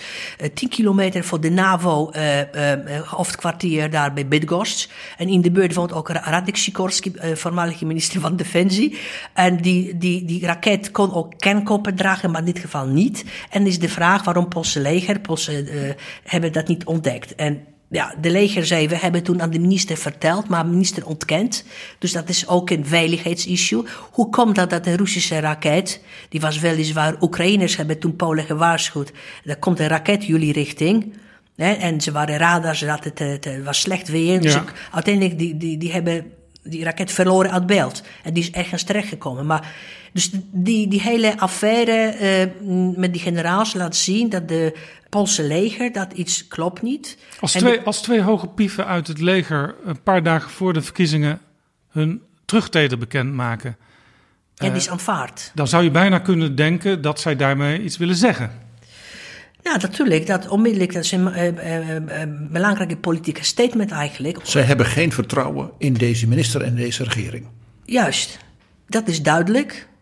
Dus onmiddellijk heeft dezelfde dag president Duda, die is op het bevel hebben van Poolse strijdkrachten, heeft die nieuwe generaals benoemd. Maar het is ondenkbaar dat inderdaad vijf dagen voor de verkiezingen zoiets gebeurt. Dus sommige mensen mompelen dan, maar niet hardop zeggen, dat is nog iets meer aan de hand. Kijk, in Polen moet je er zijn bodem, dubbele bodem en nog, nog andere bodems. Dus eh, ik moet eerlijk zeggen, ik, ik, ik denk dat die eh, officiële uitleg wat nu circuleert, eh, niet genoeg is. Dat er ruzie is geweest of die is gepasseerd. Dat vind ik een beetje te, te light, versie light. Daar moet iets meer zijn. En ik hoorde een generaal zeggen op de Poolse televisie dat misschien, maar goed, dat is allemaal speculaties, eh, dat misschien de minister heeft die de generaals gezegd wat ze moeten gaan doen een dag na de verkiezingen. Eh, bedoelend dat misschien onrecht, onrechtmatigheden komen en wat moet het Poolse leger gaan doen. Maar dat is alleen speculatie. Dat is interessant, want in hoeverre zijn deze verkiezingen eerlijk? We hadden het net al over eh, de staatstv, die eh, komt overal binnen en die eh, heeft een heel eenzijdig verhaal over hoe Polen en de politiek in elkaar zit. En vooral ook hoe de oppositie in elkaar zou zitten. Maar er spelen nog meer dingen. Hè? Ik begrijp, de uitslag van de verkiezingen moet in 24 uur geteld zijn, anders telt die uitslag niet. Kiezers die in het buitenland zijn, stemmen moeten binnen 24 uur geteld worden, anders, anders zijn ze ongeldig. Dat, dat, dat is alleen voor, die, voor, voor Polen die in het buitenland stemmen. Dus dat is ook niet eerlijk voor, naar, de, naar de kiezers in het buitenland. Nee, en er is nog een foefje bedacht, ook nog door de regering. Wij gaan ook nog een referendum houden. Ja. Want dan gaan we een aantal vragen stellen waar vooral eh, stemmers op de PiS-partij op af willen komen. Ja, precies dat zijn. Dus op die manier willen ze hun, eh, hun aangang mobiliseren en oppositiemensen, kiezers demobiliseren met zo'n stemmen. Dus wat is nu strategie? Om tenminste in, eh, buiten, eh, bu- buiten Polen, eh, wie je jouw stem niet verloren gaat, eh, moet je niet gaan stemmen voor referendum. Dus boycott van referendum. Omdat die kiescommissies hier, bijvoorbeeld in Den Haag, zijn vier. Eh, twee hebben iets van meer dan 3.500 eh, eh, kiezers hebben zich ingeschreven. En ze moeten dan, die kies, kieskaart is gewoon A4, A2, dus dat is ontzettend groot Ja. vel. En dan ze, ze moeten dus mm, formulier hebben voor eh, eh, Sejm, dus dat is Tweede Kamer, Senaat en nog een referendum. En dat mm, drie maal, eh, maal eh, drieënhalf, dus dat is, en ze hebben daarvoor alleen 24 uur, dus dat is bijna een onhaalbare situatie. Ja. Maar PiS heeft ook eh, in Polen zelf eh, alles gedaan om op platteland eh, extra eh, mobiele eh, stemlokalen in te richten. Op het platteland, niet in de stad. Ja, eigen, eigen, eigen electoraat en ook gratis vervoer regelen. Dus dan zijn, er zitten een heleboel dingen eh Men, scheef. probeert, men probeert dus de opkomst eigen- zoveel mogelijk op te poetsen. Omdat die opkomst, hè, zoals al zei, die is zo ons hier- 50, 51 procent. Als je daar 2, 3, 4 procent extra kunt organiseren, hè, dat mensen zeggen ik kom. Precies. Dan is dat natuurlijk voor een Ja. verkiezingsuitslag Ja. net wat je nodig hebt. En ik begreep ook dat eh, eigenlijk moet de, de verkiezingskaart van Polen die moet opnieuw getekend worden. Want bijvoorbeeld in Warschau hebben ze 20 parlementszetels, maar dat zouden er eigenlijk, als je naar de bevolkingsomvang kijkt, veel meer moeten zijn. Ja, kijk, dat is een ander verhaal. Eh, De kiesraad heeft verzuimd de laatste jaren, tien jaar, om uh, de verdeling van tussen zetels en inwoners aan te passen. Aan de nieuwe. Kijk, samen, uh, samenstelling van steden verandert enorm. Dus uh, sommige steden hebben inwoners verloren, andere anderen zijn bijgekomen en dus die verdeling zit scheef. En ik begrijp, in de kiesraad zitten ook weer vooral PiS-aanhangers. Ja, kijk, kiesraad, dat zit, zijn vervangen. Vroeger zaten ze uh, rechters. Maar die rechters die daar in de kiesraad zitten, worden door het tribunaal, constitutioneel tribunaal, die is een nep, nep constitutioneel tribunaal, die, die benoemt eigen rechters. Dus er zitten PiS-mensen in. En laatst was op onze televisie dat een van de, de, mensen die in de kiesraad zit, heeft 2.500 slotten gedoneerd voor PiS, voor de campagne. En dan zie je ook aan de, aan de uh, handelingen van de kiesraad dat ze niet echt politiek neutraal zijn. En dit is natuurlijk als zo'n kiesraad zegt van, oké, de stad Warschau en de buitenwijken en andere steden die groeien. Maar voorlopig houden we de huidige verdeling. Dan is dat natuurlijk gunstig voor de stemmen in het platteland. Want dan heb je minder stemmen nodig voor een zetel ja. in het platteland. Het grappige is, dus Kaczynski vroeger, Kaczynski was nummer 1 in Warschau, samen met Tusk. Hij is die strijd uh, ontlopen en hij is nummer 1 in, in ander, uh, in een ander beetje plattelandsgebied. En daar om nummer 1 te worden, heb je veel minder stemmen nodig dan in Warschau ook. Er is trouwens nog een ander dingetje. De, de, centrale bank heeft de rente verlaagd. Als inflatie hoog is, dan ga je toch niet rente omlaag. Om, als, je, als je inflatie moet besteden, moet je juist rente omhoog doen of hoog, of hoog houden. Maar ze met opzet ver, verlaagd. Want een van de belangrijkste problemen die de, de, de PO op dit moment klaagt, is hoge inflatie en verlies van koopkracht. Dus, en dat is natuurlijk niet goed voor het beeld van de regering. Precies. Want dan, dat is voor de oppositie fijn. Precies. Want die kan dan zeggen, slechte minister, Juist. slecht beleid. Dus wat ze hebben gedaan september, uh, drie, drie uh, kwart procentpunt hebben ineens, de centrale bank heeft de rente omlaag. Verrassing, totale verrassing voor de financiële markt. De slotte is naar beneden gegaan. En iedereen weet dat dat is een politieke zet van de centrale bank. Omdat Polen is niet in de eurozone. Dus, dat, dus het is heel erg een korte termijn dingetje wat de kiezers gunstig kan stemmen. Ja, en ze hebben dat gehaald uh, vorige week, ook uh, met een kwart procent. En iedereen weet dat als PiS verliest, onmiddellijk daarna gaat de rente omhoog. Uh, sowieso inflatie gaat omhoog. Dus het, onze centrale bank wil uh, inflatie uh, eigenlijk omlaag doen. Maar met dit soort grappen gaan ze kunnen ze moeilijk naar een lager niveau. Ze blijven op vrij structureel hoger niveau met inflatie. Dus volstrekt averechts en contraproductief. Maar dat is een politiek die in Polen wordt, ja. wordt bedreven. Ja, met andere woorden, mijn vraag zijn de verkiezingen eerlijk? Daar kun je op zeggen, nee, niet echt. Nee, niet echt, nee. Af en toe hoor je in betrouwbare bronnen een advertentie, maar vaak ook niet. En dat is jammer, want we hebben graag meer adverteerders. Want ook daarmee houden we betrouwbare bronnen online. En je bereikt via betrouwbare bronnen een interessant publiek van mensen, ook een groot publiek van mensen. Heel veel jonge mensen. Met grote maatschappelijke politieke belangstelling. En natuurlijk, ja, ik zeg het een beetje uh, ondeugend, ja. De decision makers van Nederland en in Brussel. Stuur een mailtje aan adverteren.daganacht.nl en dan neemt de reclameafdeling van Betrouwbare Bronnen, ja ja, neemt dan contact met je op. Adverteren, apenstaart, daganacht.nl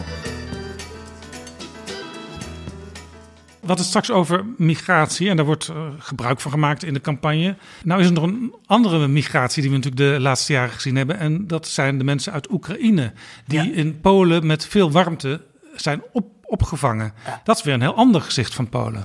Correct, de hele wereld was verbaasd. Ik denk Polen zelf ook, hoe ze, wat ze hebben gedaan. Dat was moeilijk te vatten voor mij ook. Uh, ineens, hoe Polen hebben alle deuren open, harten uh, gesteld voor, uh, voor, ze zeggen, broeders en zusters uit Oekraïne. Omdat Polen en Oekraïne hebben ook een moeilijke relatie ook daarvoor. Wat gebeurde eind aan het eind van de Tweede Wereldoorlog. Daar is een, uh, een uh, volkerenmoord uh, verricht door Oekraïnse partisanen. Die vochten aan de kant van, eigenlijk van, van, van, van nazi's. ze hebben in een hele dorp daar vermoord. En die Polen dragen dat nog steeds. En de Oekraïners hebben dat nooit erkend. Dus ineens oorlog en ineens Polen heten hun van harte welkom. En de reden is, was Poetin gemeenschappelijke vijand en, en angst voor Poetin. Weet je, de, de, de, de, de Poetin van jullie, de, de vijand van jullie is onze vijand.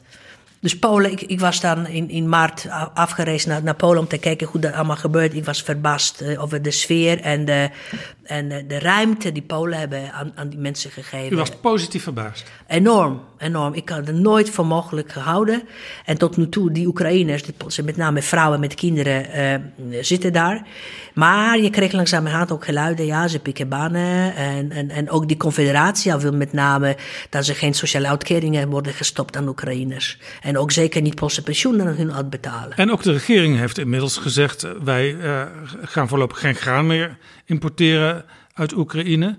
En we gaan ook geen wapens meer geven, want die hebben we zelf nodig. Ja, dat is die conflict over graan. Oekraïens graan ging op, niet naar Afrika, maar naar, op de markt van Polen. Ja. Zodat de Poolse graanboeren zeiden, dan gaat onze handel. Ja, kijk, heb je eigenlijk altijd een slimme, uh, slimme uh, ondernemers die toch wel iets cent verdienen. En er is een grote ruzie ontstaan, Poolse boeren boos. En in de tijden van verkiezingen natuurlijk, dat mag PiS niet dat hebben. zijn de kiezers op het platteland. Precies, dat de boze... Waar, waar, boze, waar Kaczynski het van moet hebben. Dus ineens hebben ze een, een, een, een, een, een soort van uh, ruzie met Oekraïne gemaakt. En zoals PiS dat doet, op het moment dat ze boos zijn, dan gaan ze wild slaan. In dit geval ruzie met Zelensky. En gezegd, we gaan geen wapens leveren. En nog erger, ik hoorde de uh, Poolse minister, uh, premier zeggen... Zelensky, hoe durf je Polen te beledigen? jullie moeten dankbaar zijn wat we voor jullie doen. Nou ja, geen, geen, geen commentaar. Ja, dan is dus die, die, die, die warme broederband weer een beetje koud geworden.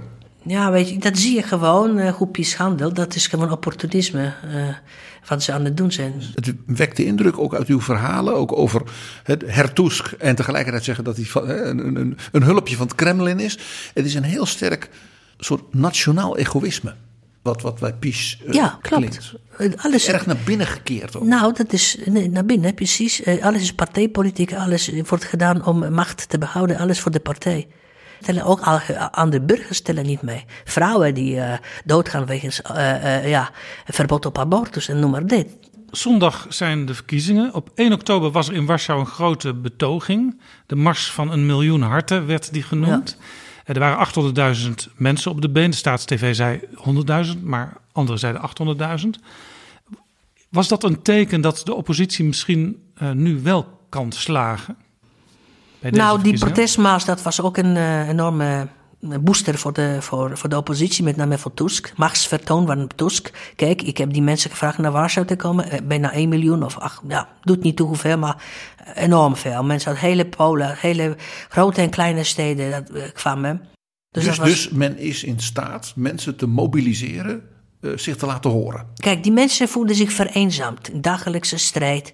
Uh, elke dag een bommetje, elke dag affaire, elke dag iets. En ze wilden daar eigenlijk hun accu's gaan opladen en met gelijkgezinden zijn. Weet je, dat was voor hun een pleister op hun, op hun hart, weet je. En, uh, Ook een uh, beetje het idee als je daar stond, uh, ik ben niet alleen. Er klopt. zijn meer die zo denken Precies, als ik. wij zijn samen. En, en die, dat gevoel van wij zijn samen probeerde ook Tusk tijdens die demonstratie op te roepen bij mensen. Hij refereerde ook aan, aan, aan de paus, Poolse paus. En met opzet, omdat wat toen gebeurde, wat u zei over Johannes Paulus II, bezoek aan Polen dat was een wonderbaarlijk wat toen gebeurde. Ik was toen ook in, in Polen. Uh, dat was uh, een soort van empowerment. Hij heeft mensen iets gezegd wat de ziel raakte en de Polen ineens zagen een, een licht aan het eind van de tunnel. En dat gaf hun kracht. Het interessante is wat u hier zegt. U zei hiervoor dat een beetje het verwijt aan Tusk in de tijd dat hij premier was, was dat hij juist daar niet zoveel aandacht voor had voor dat gevoel van de Polen. Dat was een beetje neoliberaal en het was economisch en rationeel. En Kaczynski ging spelen op identiteit en op emotie. En in zekere zin zou je zeggen, dus wat Tusk nu doet, is eigenlijk zeggen van daar heb ik van geleerd. Ja, dat, kijk, wat hij liet zien in Warschau, hij is een slimme strateeg. Hij weet hoe hij mensen kan bespelen. En dat heb ik hij is een zeer goede orator en communicator. Ik heb hem zelf meegemaakt in Aken toen hij een, een, een Poolse prijs ontving. Die man weet verdomd goed hoe hij moet contact zoeken met de zaal. Uh, verbinding, weet je. Die man heeft een bijzondere haven.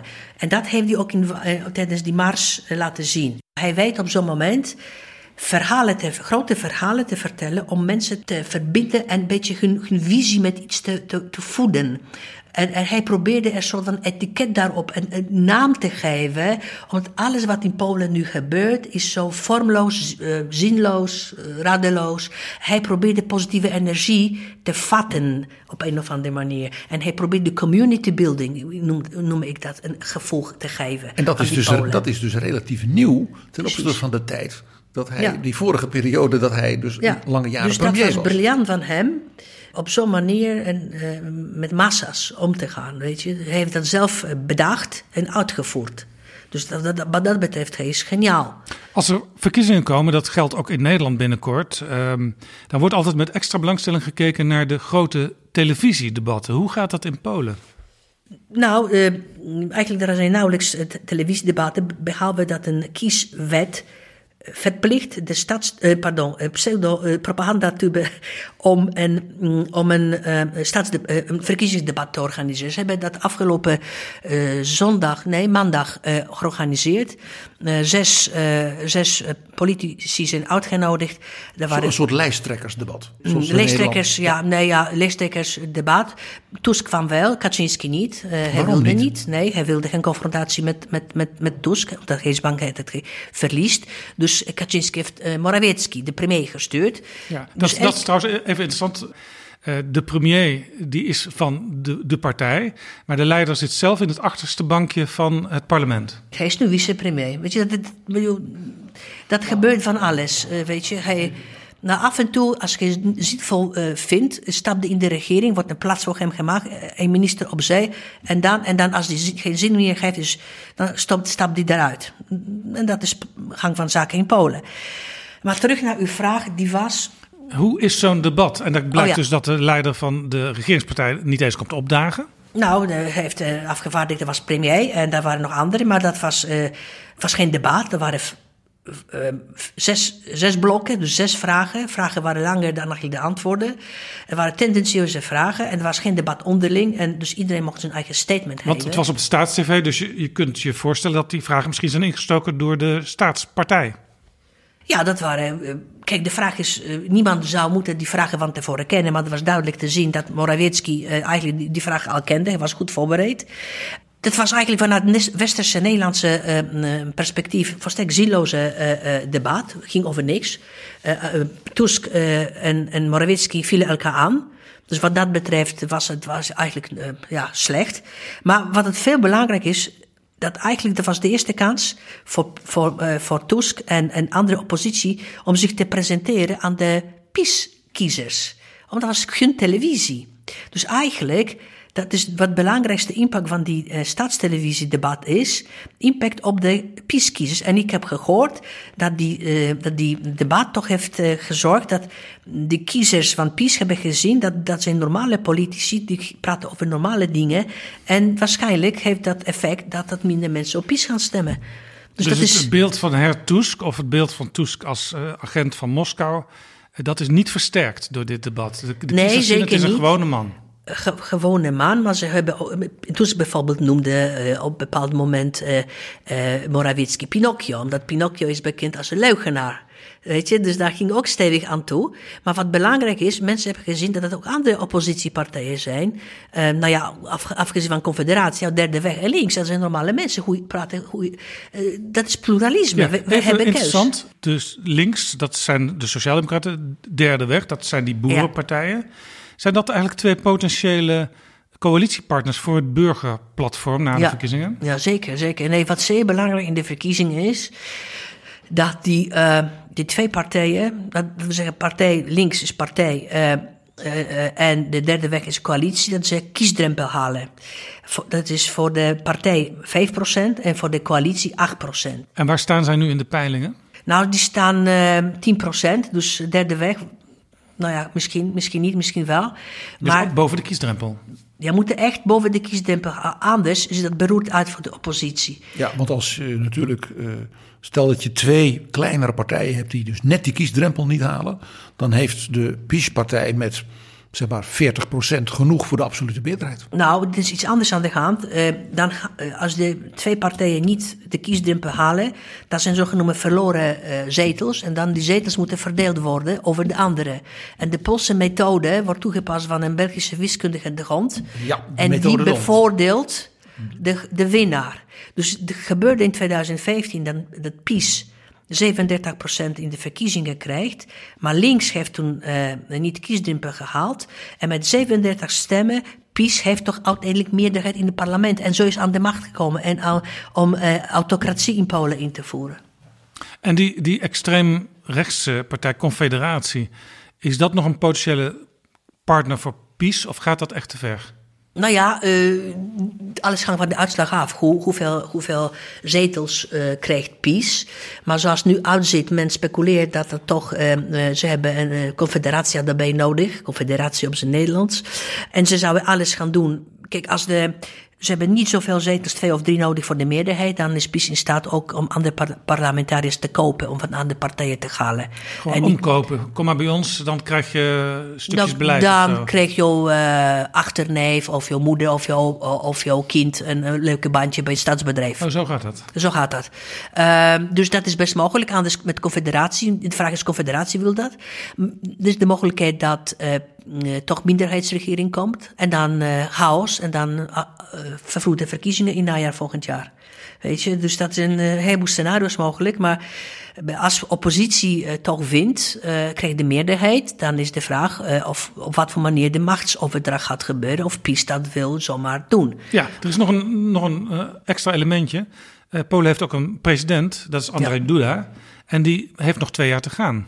En die is ook van de PiS-partij. Ja, ja, ja. Dus, maar hij, uh, hij kan niet meer gekozen worden. Er zijn alleen twee, twee Wat is twee de rol termijnen. van de president in Polen? President uh, is belangrijk. Hij uiteindelijk moet nieuwe verkiezingen uitschrijven. Poolse president een belangrijke rol, omdat als je bijvoorbeeld de uh, oppositie is van de regering, hij kan al hun maatregelen met veto uitspreken. Weet je, ze gaan blokkeren, remmen, alles. Dus onmogelijk maken dat ze uh, goed beleid kunnen uitvoeren. Dus als ze bijvoorbeeld constitutioneel hof opnieuw gaan inrichten, omdat het is pseudo uh, constitutioneel hof, de president kan wetten uitspreken. Dus dat is twee jaar blokkade. Aha, ja. Dus dat wordt moeilijk. Dus hij maar, kan eigenlijk voor twee jaar kan die heel veel remmen erop leggen. Ja, maar dan is ook de vraag of uh, oppositie, of dat stabiele regering wordt, misschien ook niet. Weet je, dus allemaal dus allemaal hangt af van de uitslag, hoeveel stemmen een burgerplatform krijgt. En, weet je, dus dat, weten we niet. Maar in ieder geval, hoe dan ook, dat worden spannende, uh, roerige tijden na de verkiezingen. Even nog een paar dingen voor onze luisteraars. Dat als het zondag is en de eerste uitslagen komen binnen, waar ze op moeten letten. Bijvoorbeeld, u zei het al, de pogingen van bijvoorbeeld de regeringspartij om op het platteland wat extra opkomst te krijgen, zodat hun aanhang wat meer komt. Uh, waar moet je op letten? Bijvoorbeeld, uh, stel nou dat je zegt van de eerste exit polls laten zien dat er bijvoorbeeld heel veel mensen in Warschau en in andere steden zijn gaan stemmen. Is dat een signaal dat je zegt dat is een gunstig signaal, bijvoorbeeld voor de oppositie? Nou, kijk, in Warschau denk ik dat uh, Tusk gaat winnen, dus de oppositie gaat winnen. Uh, dus, maar het is belangrijk wat gebeurt in uh, een beetje meer uh, plattelandsprovincies, kiesdistricten, weet je. En, Kleinere steden ook. ja, ja, ja, ja, dat is belangrijk. En met name of de, of de verkiezingen goed verlopen, of rustig verlopen. En met name die kiesdrempels zijn ontzettend belangrijk. En ook wat vrouwen. Is ook een belangrijk signaal, hè? Wat het verschil in stemgedrag tussen jongere ja. en oudere mensen ja. en tussen mannen en vrouwen. Ja. Dat, dat wordt ook uh, belangrijk. Hè. Ik vermoed dat jonge vrouwen tot 40, die wegens abortus toch uh, meerderheid uh, op oppositie gaan stemmen. Jonge mannen, ja, ben ik bang, ook in Nederland, weet je, op Confederatie. Ze zijn toch, voelen zich aangesproken door die, door die twee leiders. Dus dat, dat wordt spannend, hoe sterk of hoe klein uh, Confederatia wordt. Uh, maar goed, uh, die kiesdrempels zijn ontzettend belangrijk. Dat is of die twee partijen halen of niet. Is het nog belangrijk of de zon schijnt of dat het regent zondag? Natuurlijk, het wordt geloof ik een koude dag. weet je, 15 graden, een beetje regen, dus dat is, dat is minder leuk. Kijk, Wie gaan er dan niet? Ik denk mensen op platteland niet die ver moeten reizen of zo. Uh, dat, dus dat is gunstig voor de oppositie. Maar ook uh, mensen in, in, grote steden kunnen lui worden en denken, nou, dat gaan we niet. Dat, gaan, ja, dat is niet, niet, niet te zeggen. Maar aan de andere kant merk ik dat, dat de mobilisatie is zo groot dat dat mensen toch bereid zijn eh, ook met paraplu's in de regen te staan. Want dat is een historische verkiezingen. Dat is gewoon. Uh, dat, dat, zeiden we aan het begin al. Hè? Dat, ja, dat noemen een richtingswaal. Ja. Het is een keuze voor wat is nou de koers van dit land. Nou ja, zeg maar de komende decennia. Hè? Wat voor soort Polen willen ja, we? De schade die PiS heeft aangericht is immens. Niet alleen economie, democratie, maar ook uh, wat betreft de welzijn van mensen. Wat, uh, hun mentale toestand is ontzettend uh, belangrijk. Mensen zijn agressiever, mensen zijn niet meer optimistisch, angstig, noem maar op. Als burgerrechten worden beknot, dan is het niet goed met zo'n land. U bent journalist, dus u moet ook af en toe een beetje neutraal proberen te zijn en boven de partijen hangen. Maar ik hoor u toch duidelijk stelling nemen ik heb geen keus hier, weet je. Uh, ik probeer zo neutraal mogelijk te vertellen, maar na acht jaar zie je uh, wat PiS heeft uh, aangericht en, en wat voor leugens ze komen. Dat is, is ik, ik, kan niet anders. Ik, ik kan het niet verdedigen. Ik heb, ja, ik heb weinig goede woorden over, over PiS te zeggen. Maar ik hoop dat, ze, dat men gaat leren en en de juiste keuzes gaat maken. Iedereen vanuit zijn eigen opvatting en uh, behoeften. Als uh, de oppositie de verkiezingen zou winnen.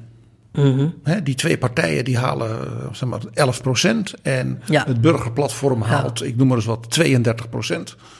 Ja, dan zijn ze er, hè? Dan kunnen ze met z'n drieën iets vormen. Wat zou Nederland kunnen doen? Wat zou dat betekenen? Bijvoorbeeld ook voor de verhoudingen tussen Nederland en Polen. Zou Nederland Polen kunnen helpen? Hoe ga je dan met elkaar om?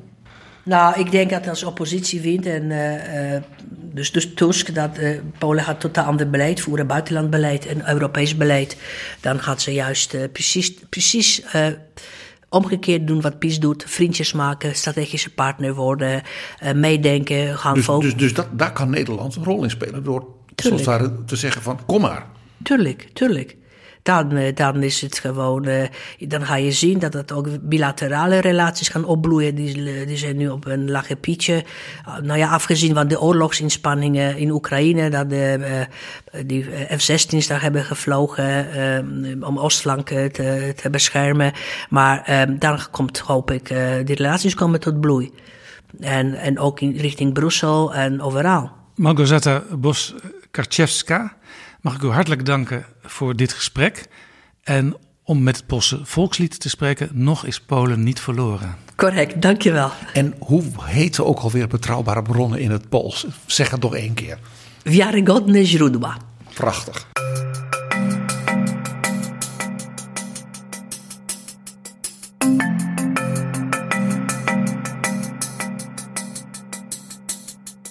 Zo, dit was aflevering 374 van Nargashni Bruda. Zeg ik het goed? Wat? Bramne, Wiarygodne źródła. Dat is een beetje te moeilijk hoor. Deze aflevering is mede mogelijk gemaakt door de vrienden van de show. Wil jij ons ook helpen met een donatie? Ga dan naar vriendvandeshow.nl slash bb. Tot volgende keer. Betrouwbare bronnen wordt gemaakt door Jaap Jansen in samenwerking met dag en nacht.nl.